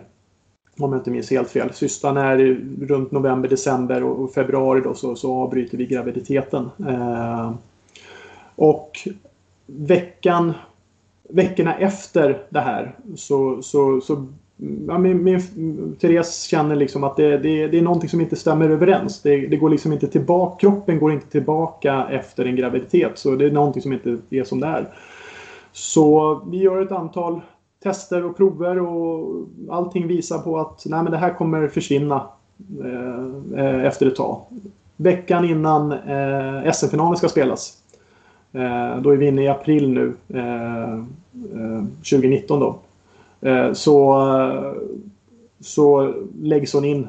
Eh, eller hon läggs inte in, vi åker in och tittar och kollar vad det kan vara. Och de kommer fortfarande inte fram till att det ska vara någonting speciellt. Men men det, det, ger, det ger inte med sig, det gör ondare och ondare. Så dagen innan SM-finalen så, så läggs hon in då med, eh, med misstanke om att det är eh, eh, äggstockscancer i det här fallet. Eh, och efter, efter den så, så, så får hon tyvärr inte lämna sjukhuset utan att hon går så pass snabbt så sex veckor senare så, så lämnar hon oss i det här fallet. Ja, det, vad ska man säga? I, eh, och du dömer en SM-final eh, också i, i det här eh, ja, kaoset. precis. Alltså i, när jag, jag, mer eller mindre så kör jag in henne till sjukhuset. För vi tror ju fortfarande inte att det här ska vara någonting allvarligt. Så jag kör ju in henne när jag är på väg till Globen. Eller till Globenområdet då. Så, så kör jag in henne till sjukhuset. Och så säger vi att vi hörs lite senare bara när jag får höra hur det har gått. Eh, och vi har ju naturligtvis en jättelång diskussion kring det här. Hon, så jag vill ju finnas där för henne men, men vi kom ju fram till liksom att just nu så kan vi bara vänta och, och då kan jag lika gärna vänta i Globen som jag väntar på sjukhuset med henne. Hon har ju sin familj runt sig i det fallet också. Och jag, jag har en lång diskussion både med Håkan och med våran coach Tony kring det här. Och vi, vi var ganska på det klara med att, att eh, om jag bara känner att jag kan lyckas hålla fokus eh, på uppgiften så, så kör vi på. Mm. Eh, så med det stödet både från, från Therese och familj och sen från Håkan och från, från eh, Tony och även Thomas och Rickard som är reservdomare i det här året så, så bestämmer vi oss för att genomföra, eh, genomföra finalen ändå. Gör vi. Ja, jag tänker väl att ni är optimistiska personer. Hon var en aktiv tjej och träningsprofil och och du var mitt uppe i din elitkarriär som eh, en av Sveriges och världens bästa domare. Så att eh, det här var väl någonting som som skulle fixa sig, eller? Ja, ja, men där och då så var det ju snarare, klart det fanns en oro. Det finns ju alltid en oro liksom oavsett eh, varför man är på sjukhus så finns en oro. Men, men jag håller helt med dig det. Vi trodde ju att det här kommer vi klara oss igenom det här kommer ju vara en passus bara i det stora hela och sen så kommer vi kunna gå vidare Eh, med våra liv liksom och se tillbaka till att eh, det där var våran, våran tredje SM-final och vi har liksom lyckats jobba oss vidare eh, i, i livet. Mm. Okej, okay, hur, eh, hur går man vidare eller hur, hur, vad händer med livet då när man själv är mitt i livet och har två barn då som är ganska unga. De var, var de, 8 och 10 eller ja, de, de, är 8 och 10 nu så de var ju då, eh, vad blir man då, 6 och eh, 8 va? Kan det ja. stämma? Ja, ungefär. Eh, ja, eh, alltså. Jag tror att som det funkade för mig så var det ju just att barnen som, som någonstans blir inte, alltså en räddning är fel att säga, men de, de blir någonstans mitt enda fokusområde där och då. Eh, och det är ju naturligtvis underlättar ju min vardag. Att man kan liksom fokusera på någon annan än sig själv.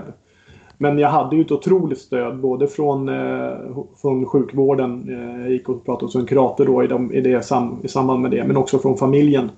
Eh, var ju otroligt viktiga där och då. Sen, sen, tror jag också faktiskt nu, så här, nu kan man ju se tillbaka i, i backspegeln att, att min korsbandsskada kom ganska lägligt. Uh, ut, utifrån ett, om man säger sörje eller bearbetningsperspektiv. Det var att jag kunde inte kasta mig in i innebandyn när säsongen väl kom igång. Jag var tvungen att stanna kvar, inte åka iväg från banan, vara hemma lite mera och verkligen bearbeta eh, den saknaden och sorgen eh, som kom med det. Så tur i oturen ska man faktiskt säga. Att så tror jag nog att den korsbandsskadan kom ganska lägligt. Annars så hade det nog funnits en risk att man hade liksom bara liksom försökt att rusa vidare med livet. Och med innebandyn framförallt. Liksom, och försöka liksom, eh, glömma och bara liksom rusa iväg till nästa grej. Nu fick jag faktiskt chansen att bearbeta det på ett, på ett mer ordentligt sätt skulle jag tro. Ja, just det. Jag, mm. Eh, läste in mig lite här inför det här poddavsnittet och eh, såg att du gjorde någon eh, intervju, både, det var väl både Expressen och Aftonbladet som skrev om din situation. Men det var väl ett par månader efter eh, e-, efter det här hade hänt eh, har jag för mig. Och, eh, men hur, hur ser du på situationen idag? Nej men alltså alltså livet, livet, alltså man lämnar ju inte det man har gått igenom. Utan man tar ju med sig det. Men livet går ju någonstans vidare. Och det kommer en ny dag och det kommer nya utmaningar och, och, och nya förutsättningar. Så det blir väl någonstans att man, man, man, man, man tar sig igenom väldigt tuffa grejer. Eh, alltså man gör det man, man, jag tror man är så pass ut... Äh, inte, nu pratar jag inte om mig personligen utan jag tror att alla människor har en förmåga att ta sig igenom väldigt, väldigt tuffa saker om man får stöd.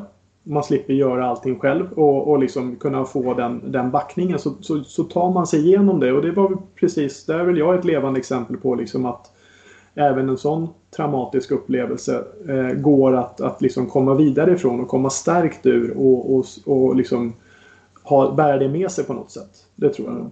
Mm. När, när var du som räddast om man pratar för dig själv personligen i hela den här situationen? Nej men det blir väl någonstans, alltså den, den smyger ju på en. Alltså det, när, hade man kommit in och så hade de bara sagt där och då liksom att det här kommer inte gå väg. Vägen. Det här kommer, det här är, det här är liksom, det, jag vet inte, du har, du har så här länge på dig men det kommer inte finns, finna ett lyckligt slut på det här, den här sagan. Eh, eller händelsen. Det är ju en sak. Men det här någonstans, man, man, man pratar ju med läkarna och de håller ju ändå, så länge det finns någonting att göra så håller ju de hoppet uppe.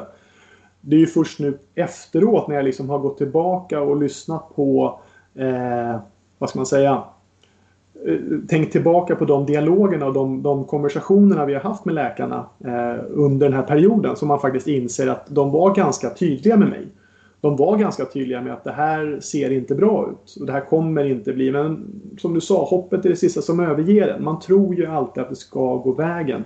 Hon var ung. Hon var vältränad. Hon tog hand om sig själv. Men det sket sjukdomen i. Alltså cancern sket fullständigt i det i slutet. Liksom. Och, och, men ja. Mm.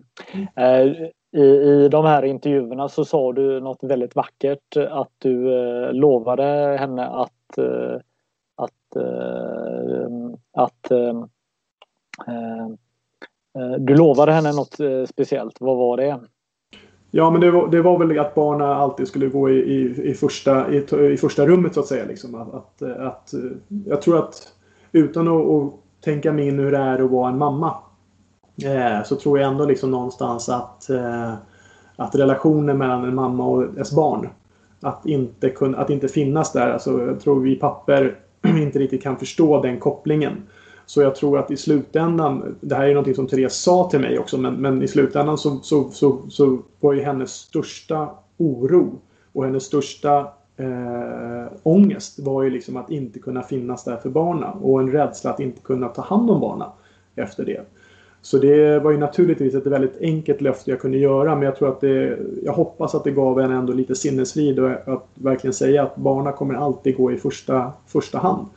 Och det, det tänker jag ju på än idag. Alltså det, det genomströmmar ju även min dömning så att säga. Liksom att även om jag har väldigt bra stöttning och sånt så är jag fortfarande väldigt noga med liksom att se till att, att det inte blir för mycket resor kort in på som liksom rubbar barnas vardag de ska inte behöva stryka på foten för att jag dömer innebandy. Och det har ju funkat ganska bra än så länge att kombinera de två. Eh, och skulle det inte göra det, då hade jag inte dömt idag. Då hade jag ju slutat. Eh, och det hade nog varit ett ganska enkelt beslut att ta. Men jag är glad med att jag ändå har kunnat eh, kombinera, kombinera de två alternativen. Ja, eh, tack för att du delar med dig av den här mm. saken. Mm. Om vi ska jag tänker att vi börjar komma mot slutet här nu. Vi har pratat jättelänge och det här blir ett långt avsnitt och ni, alla ni som sitter och lyssnar på det här i hörlurar. Ni har säkert promenerat jättelångt här. Jag tycker det har varit grymt, grymt eh, intressant och vi skulle kunna prata hur mycket till som helst här. Men hur, hur ser du framöver här nu? Du, du eh, är 46, fyller 47. Mm. Hur, hur eh, ja du är ung och lovande fortfarande men eh, hur, hur långt fram kan man se med innebandyn? Eh, jag har ju förmånen att ha en, en äldre kollega så jag kommer ju alltid vara yngst i paret så att säga. Liksom. Så, så egentligen brukar jag lite enkelt säga att men så länge Håkan kör, då kör jag också. Eh, eh, jag orkar liksom inte ta mig an och uppfostra en ny, en ny junior eh, i allting som det innebär. Så, nej men alltså, i och med att det är så otroligt roligt så är det ju lätt att motivera eh, träningen som behövs. Jag tror inte folk riktigt förstår ändå vilken, vilken träningsmängd som behövs. Och vi har ju inte vi har ju inte någon som bestäm, berättar för oss vad vi ska göra. Alltså, vi går ju inte ner till en träning och sen är det någon som har dukat upp och sagt liksom idag ska vi köra det här och här har du träningsschemat. Utan det här är ju någonting som vi får jobba med eh, själva på individuell basis. Eh, men så länge jag tycker att det är så roligt att eh, harva, liksom, åka runt i hela landet och döma så, så kommer det ju vara lätt att motivera sig till träningen. Eh, men vi har väl sagt det att vi måste ju också vara realister eh, och titta framåt. Och, och liksom, nu är det VM-år i år, det som varit skjutet. Eh, och sen kommer det ett nytt VM-år ganska tätt in på därefter det. Det är väl egentligen så långt som vi har spikat nu. För vår nominering till IFF är ju över de två VMerna. Ja, så just nu så ser vi den horisonten. Men, men eh, jag har ju lovat Håkan att han ska ta sig upp till 500 minst innan jag slutar. Och han ligger ju på 445 kanske matcher. Så det kommer troligtvis behövas minst två säsonger till för honom. Och när vi har gjort de två säsongerna då kommer jag ligga på 560-570 matcher och då vore det väl nästan förargligt om man då inte kan se sig att eh, faktiskt sikta på 600. Så ja.